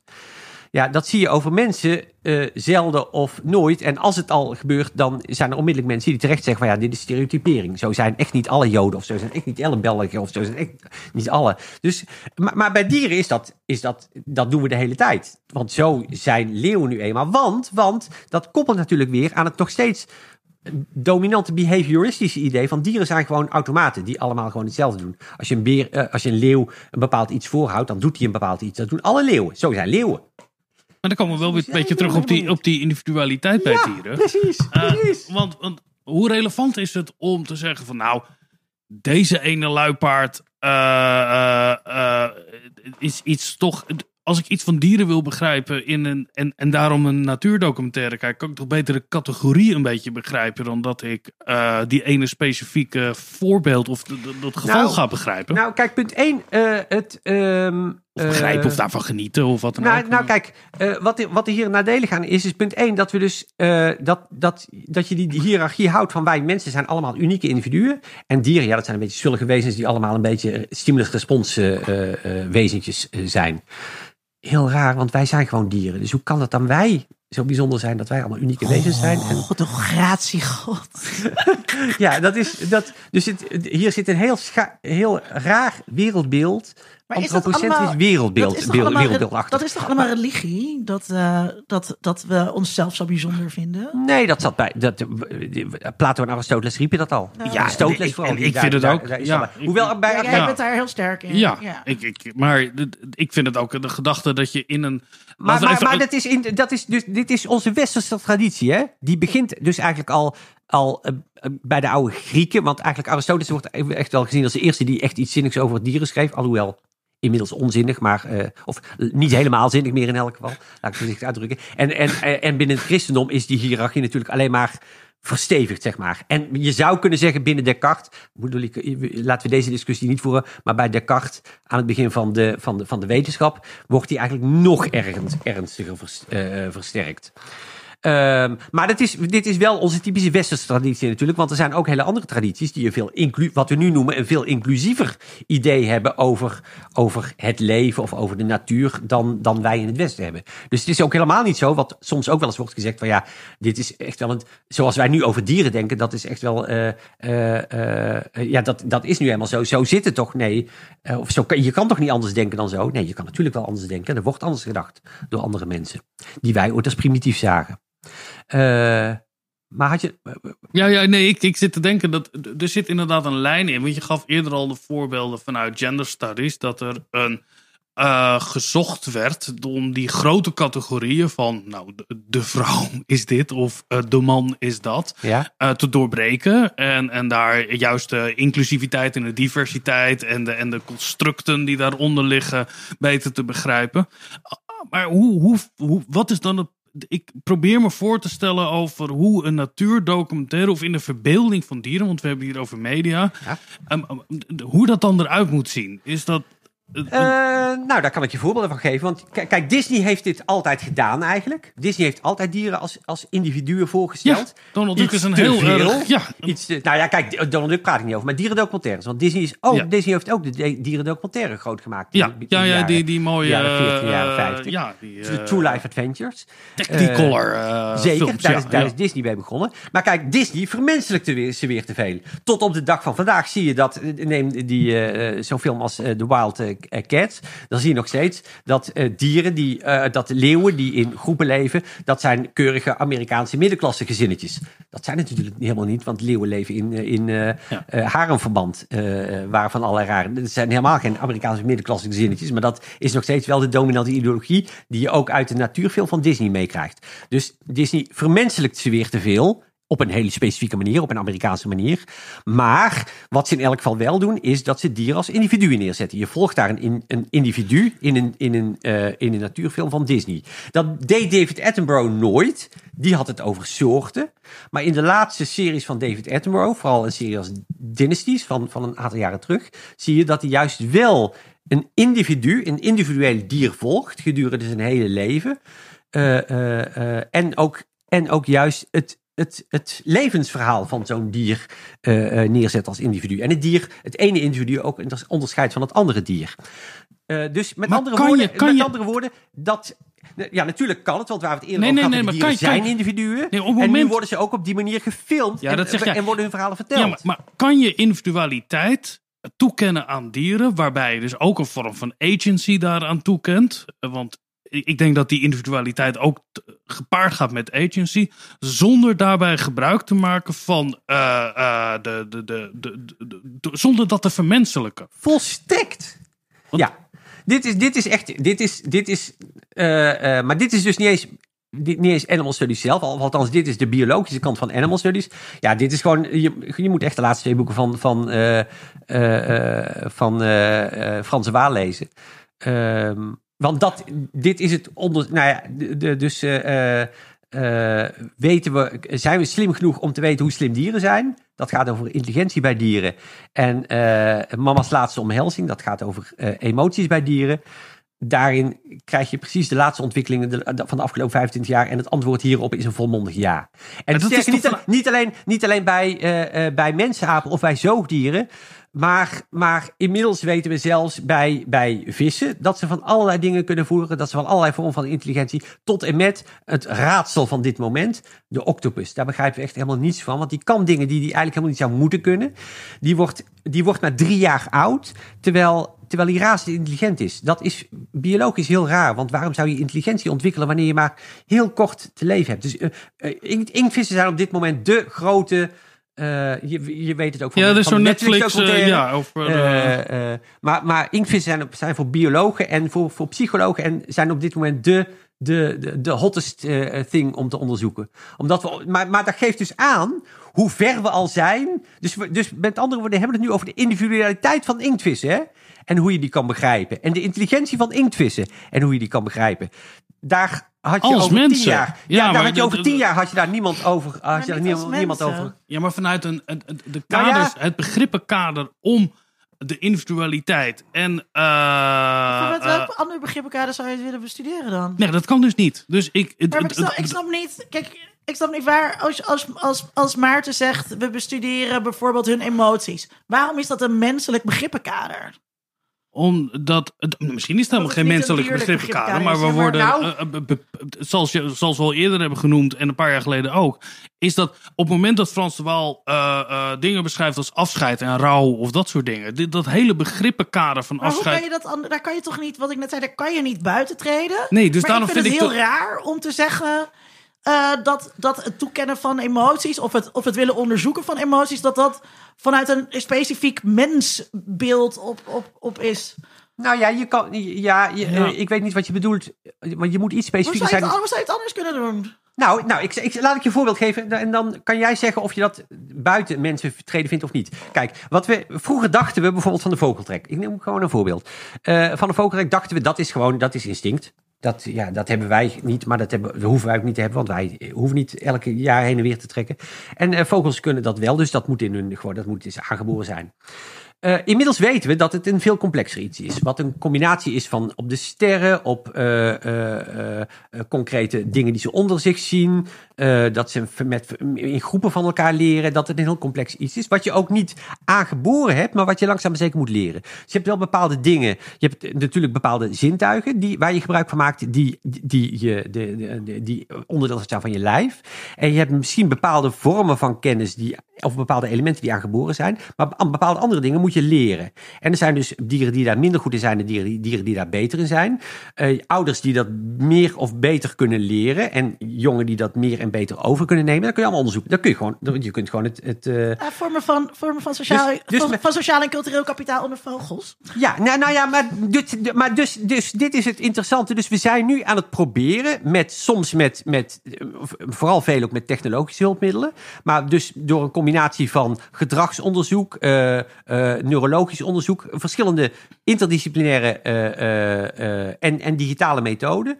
Zijn we aan het proberen om een vorm van intelligentie te doorgronden? Want dit vinden we intelligentie, namelijk iets wat je dus moet leren. En wat je minder of beter kan beheersen. Wat de een op een andere manier doet dan de andere manier. Dus dit is wat we intelligentie noemen, namelijk het oplossen van problemen. Eh, eh, maar een soort van intelligentie die wij niet bezitten, maar, dat die is- we wel willen begrijpen. Maar dat, maar het vind ik gewoon voortschrijdende wetenschap. Dat we, dat we te beter begrijpen hoe die vogeltrek in elkaar zit. Maar blijft erbij dat we dat vanuit een mensenperspectief doen. Ja, en dat vind ik op een moment... menselijk Ja, begrippenkader. dat, daar ben ik het helemaal... Ja. Dat, dat is waar we eerder op kwamen. Dat, jouw probleem ermee is. Nee, mijn probleem is dat eh, een fenomeen waarom een vogeltrek begint of een migratie en dat je daar verklaringen voor kan vinden en dat je dat als mensen doet om dat te verklaren. Alleen op het moment dat je het gaat hebben over individualiteit en je gaat het hebben over agency of je gaat het hebben over motivatie in welke v- zin dan ook, dan ga je interpreteren over waarom een bepaalde handeling of gedrag en dat, dat is misschien wel het grote verschil. Is het, zijn het alleen gedragingen of zijn het ook echt handelingen van dieren? Over wat daar de onderliggende motivatie in ligt. Waarom de ene otter dat wel doet en de andere otter niet. Maar heb je, denk je dat we dat niet kunnen? Of denk je dat het zi- zinloos is om het te weten? Of, Of moeten wat we is- elke keer benadrukken, dit is wat wij als mensen denken en de otter denkt daar misschien het zijne van? Nou, ik denk dat je eh, op het moment dat. Je gaf net een voorbeeld van een. on- op het moment dat we daar eh, dat politiseren. Dus door te zeggen van omdat wij eh, bepaalde gedragingen als individueel zien, moeten we ook de waarde van dieren hoger gaan inschatten dan dat wij deden. Want het zijn intelligentere wezens die ook vanuit een handeling en een rouw bijvoorbeeld handelen of Maar vanuit is, emotie. maar dat is helemaal niet. dan- Maar, dat, maar, en dat was ook niet de insteek van jouw vraag. Jawel, dat er de, de Oh, toekenning over de verklaring daarvan. Ja, ik weet wel wat ik vraag. Dat als je Frans de Waal, want ik ken dat voorbeeld daarvan over. Dat gaat over een, een, een, een hele reeks waarnemingen die gedaan worden, die gecodeerd worden. En daar worden bepaalde eh, eh, eh, interpretaties aangegeven, natuurlijk, over het waarom van dat soort dingen. Ik denk dat de interpretatie over de individualiteit van dieren, dus niet zozeer het gedrag van een kudde en of ze dan eh, eh, naar links of naar rechts lopen of hoeveel ze eten. Maar als we daar een interpretatie aan geven van het waarom van dingen, dat, dat, eh, dat we daarin beperkt worden, dat we daar de- dezelfde beperkte begrippenkader hebben waarom jij eh, spreekt over, goh, ik, ik, ik ben een kattenmoeder. En dat, dat vind ik heel erg beperkend. Zeker als je dat in relatie ziet tot het activisme wat in de Animal Studies zit. Dat daarmee begint daar steeds over. over. Ja, nee, maar het had het erover dat er Nee, jij ook begint een steeds per- die, die relatie te leggen. Dat, Ja, dat die ja, ik denk studies dat- Met Nou, zo'n activistisch zijn. En je zei net hè, van, oké, die, die waarom-vragen die worden gesteld... zodat daarna dier- dieren meer rechten moeten krijgen. Ja, dat, dat maar dat zit. is geen één keer wat Maarten heeft gezegd. En Maarten heeft net nog uitgelegd... dat je binnen animal studies mensen hebt die die vragen willen stellen... en je hebt mensen die meer activistisch zijn... gelijk binnen genderstudies. Ja, ik wil... Ik wil ik, Waarom ik, blijf ik- jij, even ik- Maarten, waarom blijf jij hier zo op hameren? Ja, wat heb jij tegen dierenrechten? Ik, ik heb helemaal... ik heb wel, ik, ik- over- Jij begint steeds hierover. omdat ik, omdat ik het een eh, eh, bepaalde. En dan moet ik voorzichtig. Nee, ik ga helemaal niet voorzichtig zijn. Ik vind het een. eh, de, de toekenning die daaraan wordt gegeven. op het moment dat we het gaan hebben over de individualiteit. of eigen keuzes. of morele kaders die daarin zitten. Eh, om daar onze aandacht op te richten. in de hiërarchie van dingen waar we ons zorgen over moeten maken in de wereld. Eh, ja, dat, dat, dat, dat heb ik wel mijn. Ik heb helemaal niks tegen, tegen dierenrechten. Ik heb wel iets tegen die aan de ene kant kritiek hebben op de vermenselijking van dieren. Maar aan de andere kant vanuit eigenlijk die enorme betrokkenheid van dieren. die dezelfde voedingsbodem heeft als die vermenselijking van dieren. dit soort vragen te gaan stellen. Punt 1, Linda heeft een punt als ze zegt dat ik die link niet. Ik, ik denk dat je die link niet per se hoeft te leggen. Eh, dus dat. Weer een punt voor mij. Ja, ja, dat is weer een punt voor jou. Eh, eh, ik, maar ik wil hem best leggen hoor. Ik, ik, ik denk dat ik ergens in het midden sta. Ik ben wel degelijk enigszins activistisch, maar het is niet mijn. Ik ben, ik ben even goed, minimaal even goed wetenschapper die gewoon. Ik wil dieren begrijpen. Eigenlijk wil ik gewoon met mijn kat kunnen praten. Ik wil mijn kat begrijpen. Oh, dat zou zo leuk zijn. Dat, zou, dat zou volgens mij echt het meest geweldige zijn. Ehm, maar, maar, maar. eh, Jij wil ook met je baby praten, Vincent. Maar je hebt- Dus ik zit ons stel me zo voor dat zit ons niet uit Ik heb jou nooit gemogen. Dat, Maar Nou, dat zou ik raar Ja. interessant vinden als hij mij dat op een of andere Ja. manier duidelijk zou kunnen maken. En misschien dat dat ook best nog een keer gaat gebeuren. Eh, eh, dat we dat kunnen, dat we, dat we daar eh, eh, eh, software voor gaan ontwikkelen. Ehm, eh, iets anders is dat ehm, veel mensen binnen Animal Studies zeggen ook dat, ehm, dat, dat je die twee los moet koppelen. Eh, dus, dus heel veel mensen binnen Animal Studies zeggen al dat het feit dat je intelligentie hebt, dat dat, of dat je meer op mensen lijkt, dat dat geen reden is om je meer eh, rechten toe te kennen. Integendeel roepen sommige mensen. Eh, eh, eh, dat is niet een reden waarom je überhaupt een levend wezen rechten moet willen toekennen. Eh, dat ben ik ook helemaal met ze het eens. Dus beginnen met, beginnen met het toekennen van rechten van apen wordt door sommigen, zoals bijvoorbeeld Pieter Singer en anderen eh, eh, binnen de Great Ape Project doen. Dat is, eigenlijk, dat is eigenlijk antropocentrisch, want dan blijft toch weer het mens blijft het uitgangspunt. Hoe meer je op ons lijkt, hoe meer rechten je krijgt. Je zou moeten beginnen bij vissen, of misschien wel bij ondergewervelden. Maar dus dat wordt ook, ook gezegd. En dan wordt gezegd van nee, de reden waarom je dieren rechten moet geven, en dat ben ik dus met die mensen eens, is. eh, nou, ik vind nog steeds het adagium van, van eh, eh, Jeremy Bentham, de utilist uit de, uit de 19e eeuw volgens mij. Het gaat er niet om of ze kunnen denken, of ze kunnen praten. Het gaat erom of ze kunnen voelen. Le- Levende wezens die het kunnen voelen, die pijn kunnen voelen, maar die ook positieve dingen kunnen voelen, die moeten volgens mij beschermd worden door ons recht allemaal. Eh, dus dus als, je, als je vraag is waarom moeten ze rechten krijgen? Nou, dat is mijn antwoord in elk geval. Waarom ze rechten moeten krijgen. Niet omdat ze op ons lijken. Dat vind ik niet een criterium. Je kan je nog over, je kan erover twisten of je dieren waarvan je op wetenschappelijke manier kan aantonen. En dat is best lastig. Dat ze niks voelen. En we weten inmiddels van veel meer dieren dat ze hebben we wetenschappelijk kunnen aantonen dat Ja. ze wel voelen. Zoals vissen, maar zoals ook veel ongewervelden. Eh, eh, die moeten in elk geval rechten krijgen, lijkt mij. Moeten ze dezelfde eh, rechten krijgen als mensen? Daar, daar kan je ook weer over discussiëren. Maar dat is mijn basis om dieren rechten te geven. En als het technisch mogelijk wordt om dieren te fokken die niet meer kunnen voelen. Nou, eigenlijk bij al dat soort vragen over rechten. Dat, ik dacht niet dat we die, die- Ja? dat we die kant op gingen. Maar die kant wil ik graag op als je dat eh, leuk vindt. Eh, bij, al, bij al die vragen die je daarover hebt, ga ik je onmiddellijk de tegenvraag stellen. Vind je het oké dat we het bij mensen doen? Als je dat oké vindt, dan denk ik dat mijn bezwaren al heel wat minder worden. Nee, daar moet ik echt over nadenken. Maar die kant, Nou, gaan, we, die, die kant gaan we nu zeker niet op. Nou, maar, nee, maar, maar wacht even, ik wil je dan wel even de vraag Ja? stellen. Want inderdaad, nu ga ik even met Linda mee. Eh, waarom kom je toch steeds ter- terug op die vraag? Dus dan, dan als je zegt van, van oké, eh, dat- dit antwoord bevalt me, dan wil ik jou even een wedervraag stellen. Waarom zouden dieren niet, eh, niet in elk geval dierenrechten moeten krijgen die enigszins, dus dieren die enigszins met ons overeenkomen, laten we zeggen zoogdieren, Ja. dat die enigszins overeenkomstige eh, eh, eh, rechten krijgen als wij. Dus dat ze van lijden omdat ik een, een, een sterk exceptionalisme van de mens. ik vind dat de mens een, een wezenlijk andere positie heeft dan andere zoogdieren in, in de wereld. Maar dat is dus een, een een volstrekt, en inmiddels kan ik zeggen, een volstrekt anti-wetenschappelijk standpunt. Als je zegt van oké, dat vind ik prima. Ik, ik, ben een, ik ben een totaal, ik ben eigenlijk gewoon een godsdienst. eh, Nee, maar we waanzinnige. begonnen met- Dan vind ik dat prima, dan, dan zijn we het Er is een verschil, toch? Of is er, er is toch een verschil tussen de mens en, en, en eh, de, de andere zoogdieren? Ja, maar dat is geen kwalitatief verschil. Dat is een verschil net in. in of dat is, een, dat is niet een verschil in dat wij eh, eh, er- ervan overtuigd zijn dat wij mensen meer pijn kunnen voelen of zo. In die zin is er, is er helemaal niet een verschil. Er is ook niet een verschil dat wij denken dat we intelligenter zijn of zo. Tenzij je dat nu zo meteen gaat beweren, dan ga ik je vragen van wat is je basis daarvan. Dus met andere woorden, wat is je basis van het exceptionalisme? Daar komt het op neer. En het vermogen tot dominantie. Oké, maar dus dan kunnen we vrouwen onderdrukken. Zwaar, dan, kunnen we ieder, dan is het gewoon het recht van de sterkste. Dat is ook verder prima. Ik Ja, maar- net- maar dan ga ik me zo meteen met je mee en dan ga ik Nee, maar ga binnen, een mes in nee, je kind binnen de zetten, menselijke, is gewoon, ik ben de binnen, sterker. binnen een menselijke zorg eh, eh, soort eh, eh, is dat dus niet zo. Want ik, zeg de ik heb mens. net als aantekening opgeschreven.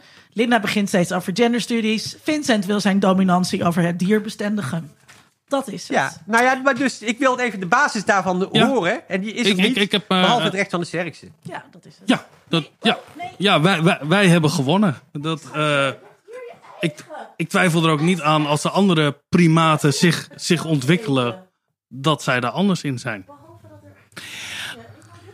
Ondertussen krijgt de kat eh, eh, hier eh, speciale medisch voer. En dat mag dan door de anderen niet gegeten worden. En ik denk dat we zo langzamerhand eens proberen de, de, de grote vraag die we hebben gesteld te gaan beantwoorden. Oh, Ehm, namelijk, ehm, we begonnen eigenlijk met de vraag: wat is het probleem als dieren te veel als mensen af worden gebeeld, of juist totaal als andere wezens worden gerepresenteerd? Beide argumenten maak je in je boek. Ja. Ehm zal ik die vraag eerst eens aan Linda stellen? Wat is, eigenlijk- is, sorry, wat is het eh, probleem als dieren te veel als mensen worden afgebeeld, of juist gezien worden als totaal andere wezens? Zoals we zien in natuurdocumentaires. Ik, ik vind dat helemaal geen probleem. Ik vind dat gezeik over antropomorf- antropomorfisme. al dat- Ik vind het echt totaal gezeik. Volgens mij heb ik dit in die vorige aflevering ook al een keer gezegd. Je hebt wel onderzoek naar waarom lolcats... eh, dus hè, eh, gewoon eh, memes met katten, waarom die schadelijk zouden zijn. En dan is het, is het, is het punt inderdaad, oh, het. En, en dat is gevaarlijk voor de kat, want dan schatten we zo iemand. Ik dacht, dat, ik vind het allemaal onzin. Ja.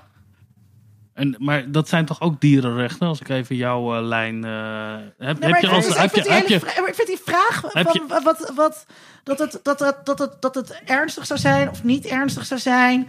Dat, ik bedoel, mensen zijn dieren. Ja, ja, maar, ja, maar dat- hey, en nou, nu, ga ik, nu ga ik mij met Vincent tegen jou keren. Dat, dat, Maar eh, eh, het is toch, je, je zult het toch met me eens zijn dat het. we, dat, we verdieren de mens toch ook de hele tijd? En Ja, maar daar stellen nee- we toch ook die onzinvraag niet over? Van, oh, is het gevaarlijk als we de mens te veel verdieren? Nee, nee, nou, nou als, als we het erover eens zijn. ehm, dus ik wil, even, ik wil even zien waar het verschil dan tussen ons tweeën in zit. Als we het erover eens zijn dat, ver, dat, vermenselijking, dat we vermenselijking van dieren een vorm van stereotypering is. Dan eh, is er evident, eh, alles wat er tegen stereotypering is, is ook tegen stereotypering van dieren. Eh, eh, dus dan ben je er om die reden wel tegen. Nee, ik, ik, ik, denk, ik, denk niet dat het een vorm van... Ik, ik, ik vind het gewoon niet zo'n zinnige... Niet zo'n zinnige vraag. Omdat we niet... Ja, maar je vindt. Maar Linda, wat is het, wat is het probleem van stereotypering? Dat, Even, vergeet even dieren. Wat is het probleem van stereotypering? is dat eh, mensen eh, een, een, een, een individu eh, zien op basis van de slechte eigenschappen die een ander individu vanuit dezelfde groep ook heeft. En daardoor nare beslissingen nemen over die individuen. I rest my case. Maar volgens mij staat dat los. Dus ik denk dat je dieren niet moet stereotyperen. Maar volgens mij heeft dat niks te maken met al dan niet vermenselijken. Ik vind het helemaal niet erg als Dumbo eh, eh, grotere ogen krijgt en, en, en, en menselijke avonturen beleeft. Dat, Ik zie daar echt. J- Jullie dialoog is, legt precies mijn antwoord neer dat er een, een- de discrepantie tussen eh, dierenrechten of mensen zijn eigenlijk ook dieren, maar de rechten voor mensen zijn toch ook weer anders dan de rechten van keer dieren. Die Eh, rechten. nee, Maarten moet de vraag nog eh, beantwoorden. Maar, eh, dus mijn, mijn antwoord zou zijn: Nee, dat is helemaal geen probleem. En eh, trouwens, we hebben er ontzettend veel plezier van. Dus ik denk dat het één Maar jij ding heel het erg... wel een probleem, omdat dan die dieren mogelijk rechten krijgen. Dat is wat je de hele tijd zit te betogen. Dat, dat is wat ik net wilde gaan zeggen. Als dat er uitmondt dat we allemaal. eh, eh, dat we de discussie gaan hebben over of dieren. Te, te, te stereotypisch worden weergegeven. en ons dat we daar druk over gaan maken. Nee, daar eh, kan ik me niet in vinden. Maar Maarten, aan jou het Ja, ik laatste vind woord. het, eh, kijk, dat ik, kijk, Vincent, dat ik in jou geen uh, medestander vind, dat had ik eigenlijk min of maar dat van Linda afhaakt in het Maar einde van dit gesprek. Dat Linda hier op het allerlaatste moment af, af, eh, afhaakt, is, is wel een teleurstelling. Omdat Linda als geen ander zou moeten weten wat het probleem is van stereotypering. Maar ik snap niet En- waarom het over stereotypering gaat. De vraag gaat niet over stereotypering, maar gaat over vermenselijking. Dat is toch geen stereotypering? Nou, stereotypering is een, eh, eh, ehm, is een element. Is, eh, even kijken. Stereotypering is een element. De vermens, vermenselijking is een element van de stereotypering die eh, eh, dieren ondergaan. Eh, eh, Ik ben nou, tegen stereotypering van dieren, maar de vermenselijking interesseert me geen ene fuck. Maar de vermenselijking interesseert je toch? Want, want, want wat je net zei over stereotypering over mensen, namelijk dat dat consequenties heeft in de werkelijkheid, omdat mensen, eh, omdat mensen rare dingen over andere mensen gaan denken en over hele groepen van mensen gaan denken, terwijl dat niet terecht is. Dat geldt natuurlijk voor dieren ook. Maar het geldt Dit is onze, Bambi-idee van, de, van, de, eh, van, van, van dieren. Dit is wat Steve Baker dus noemt ons, ons eh, hoe heet het? Eh, Disney consciousness. Het idee dat dieren zijn schattig, cute, leuk, grappig, maar ze doen er niet echt toe. Ze zijn gewoon grappig, ze zijn gewoon leuk, er is niks mis mee. Maar het is ook niet zo erg om ze op te eten, het is ook niet zo erg als ze lijden. Maar naast die eh, nadelige gevolgen van die vermenselijking, heb je dus ook positieve gevolgen van die vermenselijking. Eh, dat juist doordat eh, Sam, eh, de dochter van Vincent, leert of, of aangepraat krijgt dat dieren leuke karaktertjes hebben en zo. Daardoor gaat zij lief zijn voor dieren. En wil ze straks een konijn en gaat ze daar goed voor zorgen. Dat is ook de reden waarom dierentuinen altijd zeggen: Goh, we zijn er voor wildlife en Maar, ondersteuning. maar, en, maar, maar nou ja, maar nu zie je het probleem van dat, dat wat, er, wat jullie nu eh, eh, eh, vermenselijking noemen, dat, dat een deel van wat wij vermenselijking noemen, eh, daar hebben we het daar straks al over gehad, dat is eigenlijk helemaal geen vermenselijking, maar is gewoon, dat zijn gewoon dingen die wij met dieren gemeen Ja, maar, en hebben. daarom, maar daarom vind ik En dus die hele vraag over vermenselijking een domme vraag. Sorry, Vincent. Nou ja, dus van sommige aspecten het- daarvan. Had je maar niet het draaiboek 20 minuten van tevoren voor mijn neus moeten leggen. Ik vind het een stomme vraag. Ja. Nou, dit is de vraag die Maarten stelt in het boek Dieren en Mens, de band tussen eh, ons en andere dieren. Eh, ik heb het met veel plezier gelezen. Eh, en ik vond het, eh, ja, het is, het, is, het is een heldere uiteenzetting Vincent. over hoe er eh, over gedacht wordt. Vincent, jij bent begonnen met deze opening ehm, met de enorme zorgen over je dochter, die dus geïndoctrineerd wordt met dierenliefde. Ja. Mag ik daaruit opmaken dat jij dus bang bent dat als Sam straks kan praten, want dat is de bedoeling dat ze dat gaat leren en dat ze dan wel allerlei dingen kan voicen, dat ze dus de dierenrechtenagenda door jouw strot gaat duwen? Of ik daar bang voor ben? Ja. Eh, ja, dat, ik, ik denk wel dat er een, een, een, een zekere mate van sentimentaliteit is eh, eh, rondom dieren. En dat het zeker bij kinderen eh, heel erg gestimuleerd wordt. Ja, Kom ik binnenkort eh, eh, dan een nijlpaard eh, knuffel eh, brengen? Dat lijkt me heel. Nou ja, dan ga je in Over- ieder geval. Ik, ik, durf, ik wil er nu wel een fles wijn op inzetten. Dat over twintig jaar zit de dochter van eh, Vincent bij mij in de klas bij eh, Animal Studies. Sowieso. En komt, en komt ze mij vertellen dat ze haar vader ertoe gedwongen heeft om ook veganistisch te gaan koken. Oh ja, dat, dat ik ken, ik ik zo ken te veel vaders Ja. van mijn Precies, leeftijd precies. die allemaal veganist zijn geworden. Is, ja. is dan waarschijnlijk niet de e- Eén- eerste, één maar een van de laatste. Een doos wijn. Beste luisteraar, dit was aflevering 143 van de podcast Onder Mediadoktoren. De redactie, dat zijn wij zoals altijd, Linda en Vincent. Kijk op ondermediadoktoren.nl voor ons archief. En daarin vind je bijvoorbeeld aflevering 34, meerdere keren aan gerefereerd. De nieuwswaarde van dieren. We hebben een aflevering 89 over natuur en media. En we hebben aflevering 54 hebben we het over de apocalyps gehad. En daarin kwam toch ook wel meerdere keren natuurdocumentaires langs met Laura Oh, ik Portier. dacht dat je ging zeggen. We hebben het helemaal niet over Planet of the Apes gehad. En over wat er gaat gebeuren als de dieren straks gaan winnen. Ja, dat, nou ja, dat, dat, dat heb ik net gezegd. Ik heb er geen enkel vertrouwen in als er een ander primaat dominanter wordt, dat, dat ze enige compassie met ons zullen hebben. Heeft u wel compassie? over deze podcast is gratis, maar podcast maken kost wat geld. Ehm, we hebben wat, geld kost veel geld. Kost veel geld? Nou ja, dat is allemaal afhankelijk van je inkomen natuurlijk. Vincent, zo Eh, we hebben materiaal, maar-. Oh ja. Ik ga anders eisen dat jij gewoon Eh, meer geld gaat geven aan deze podcast. Hey, ik ben al Patreon van, van mijn eigen podcast. Eh, beste luisteraar, als jij, als jij Patreon wil worden of vriend van de show, ga dan naar de website. Zoals Matthijs van Listong. Dankjewel, Matthijs. Dat Matthijs Ehm, je doet. kunt ons ook steunen door bijvoorbeeld aan andere mensen te vertellen om deze podcast te luisteren. Of aan je Ehm, kat. En dat je kat dan de hele tijd op play drukt. Ja, en dat je Zich misschien ook wel een heel interessant individueel perspectief op deze materie gaat hebben. Koop allemaal het Ben boek je van misschien Maarten. een kat? Laat ons dan weten wat je aan deze Ja. podcast vond. En we hebben het nog helemaal niet gehad over Omroep Piep. Dat is helemaal niet aan de orde gekomen. Mensen, als je wil weten wat Omroep Piep is, eh, Google Omroep Piep Maarten Racing. Maarten, heel erg bedankt dat je hier was. We zijn nog lang niet hierover uitgesproken. Ik ben benieuwd of we ooit nog eens een keer eh, nader tot elkaar komen. Eh, misschien Over 20 jaar. over 20 jaar, lijkt me heel goed. Heel veel dank. Eh, volgende keer zijn we er weer. En dan gaan we het hebben over trans in de media. Tot dan. Tot dan. Onder Mediadoktoren is een podcast van Vincent Kronen en Linda Duits. Meer informatie vindt u op ondermediadoktoren.nl.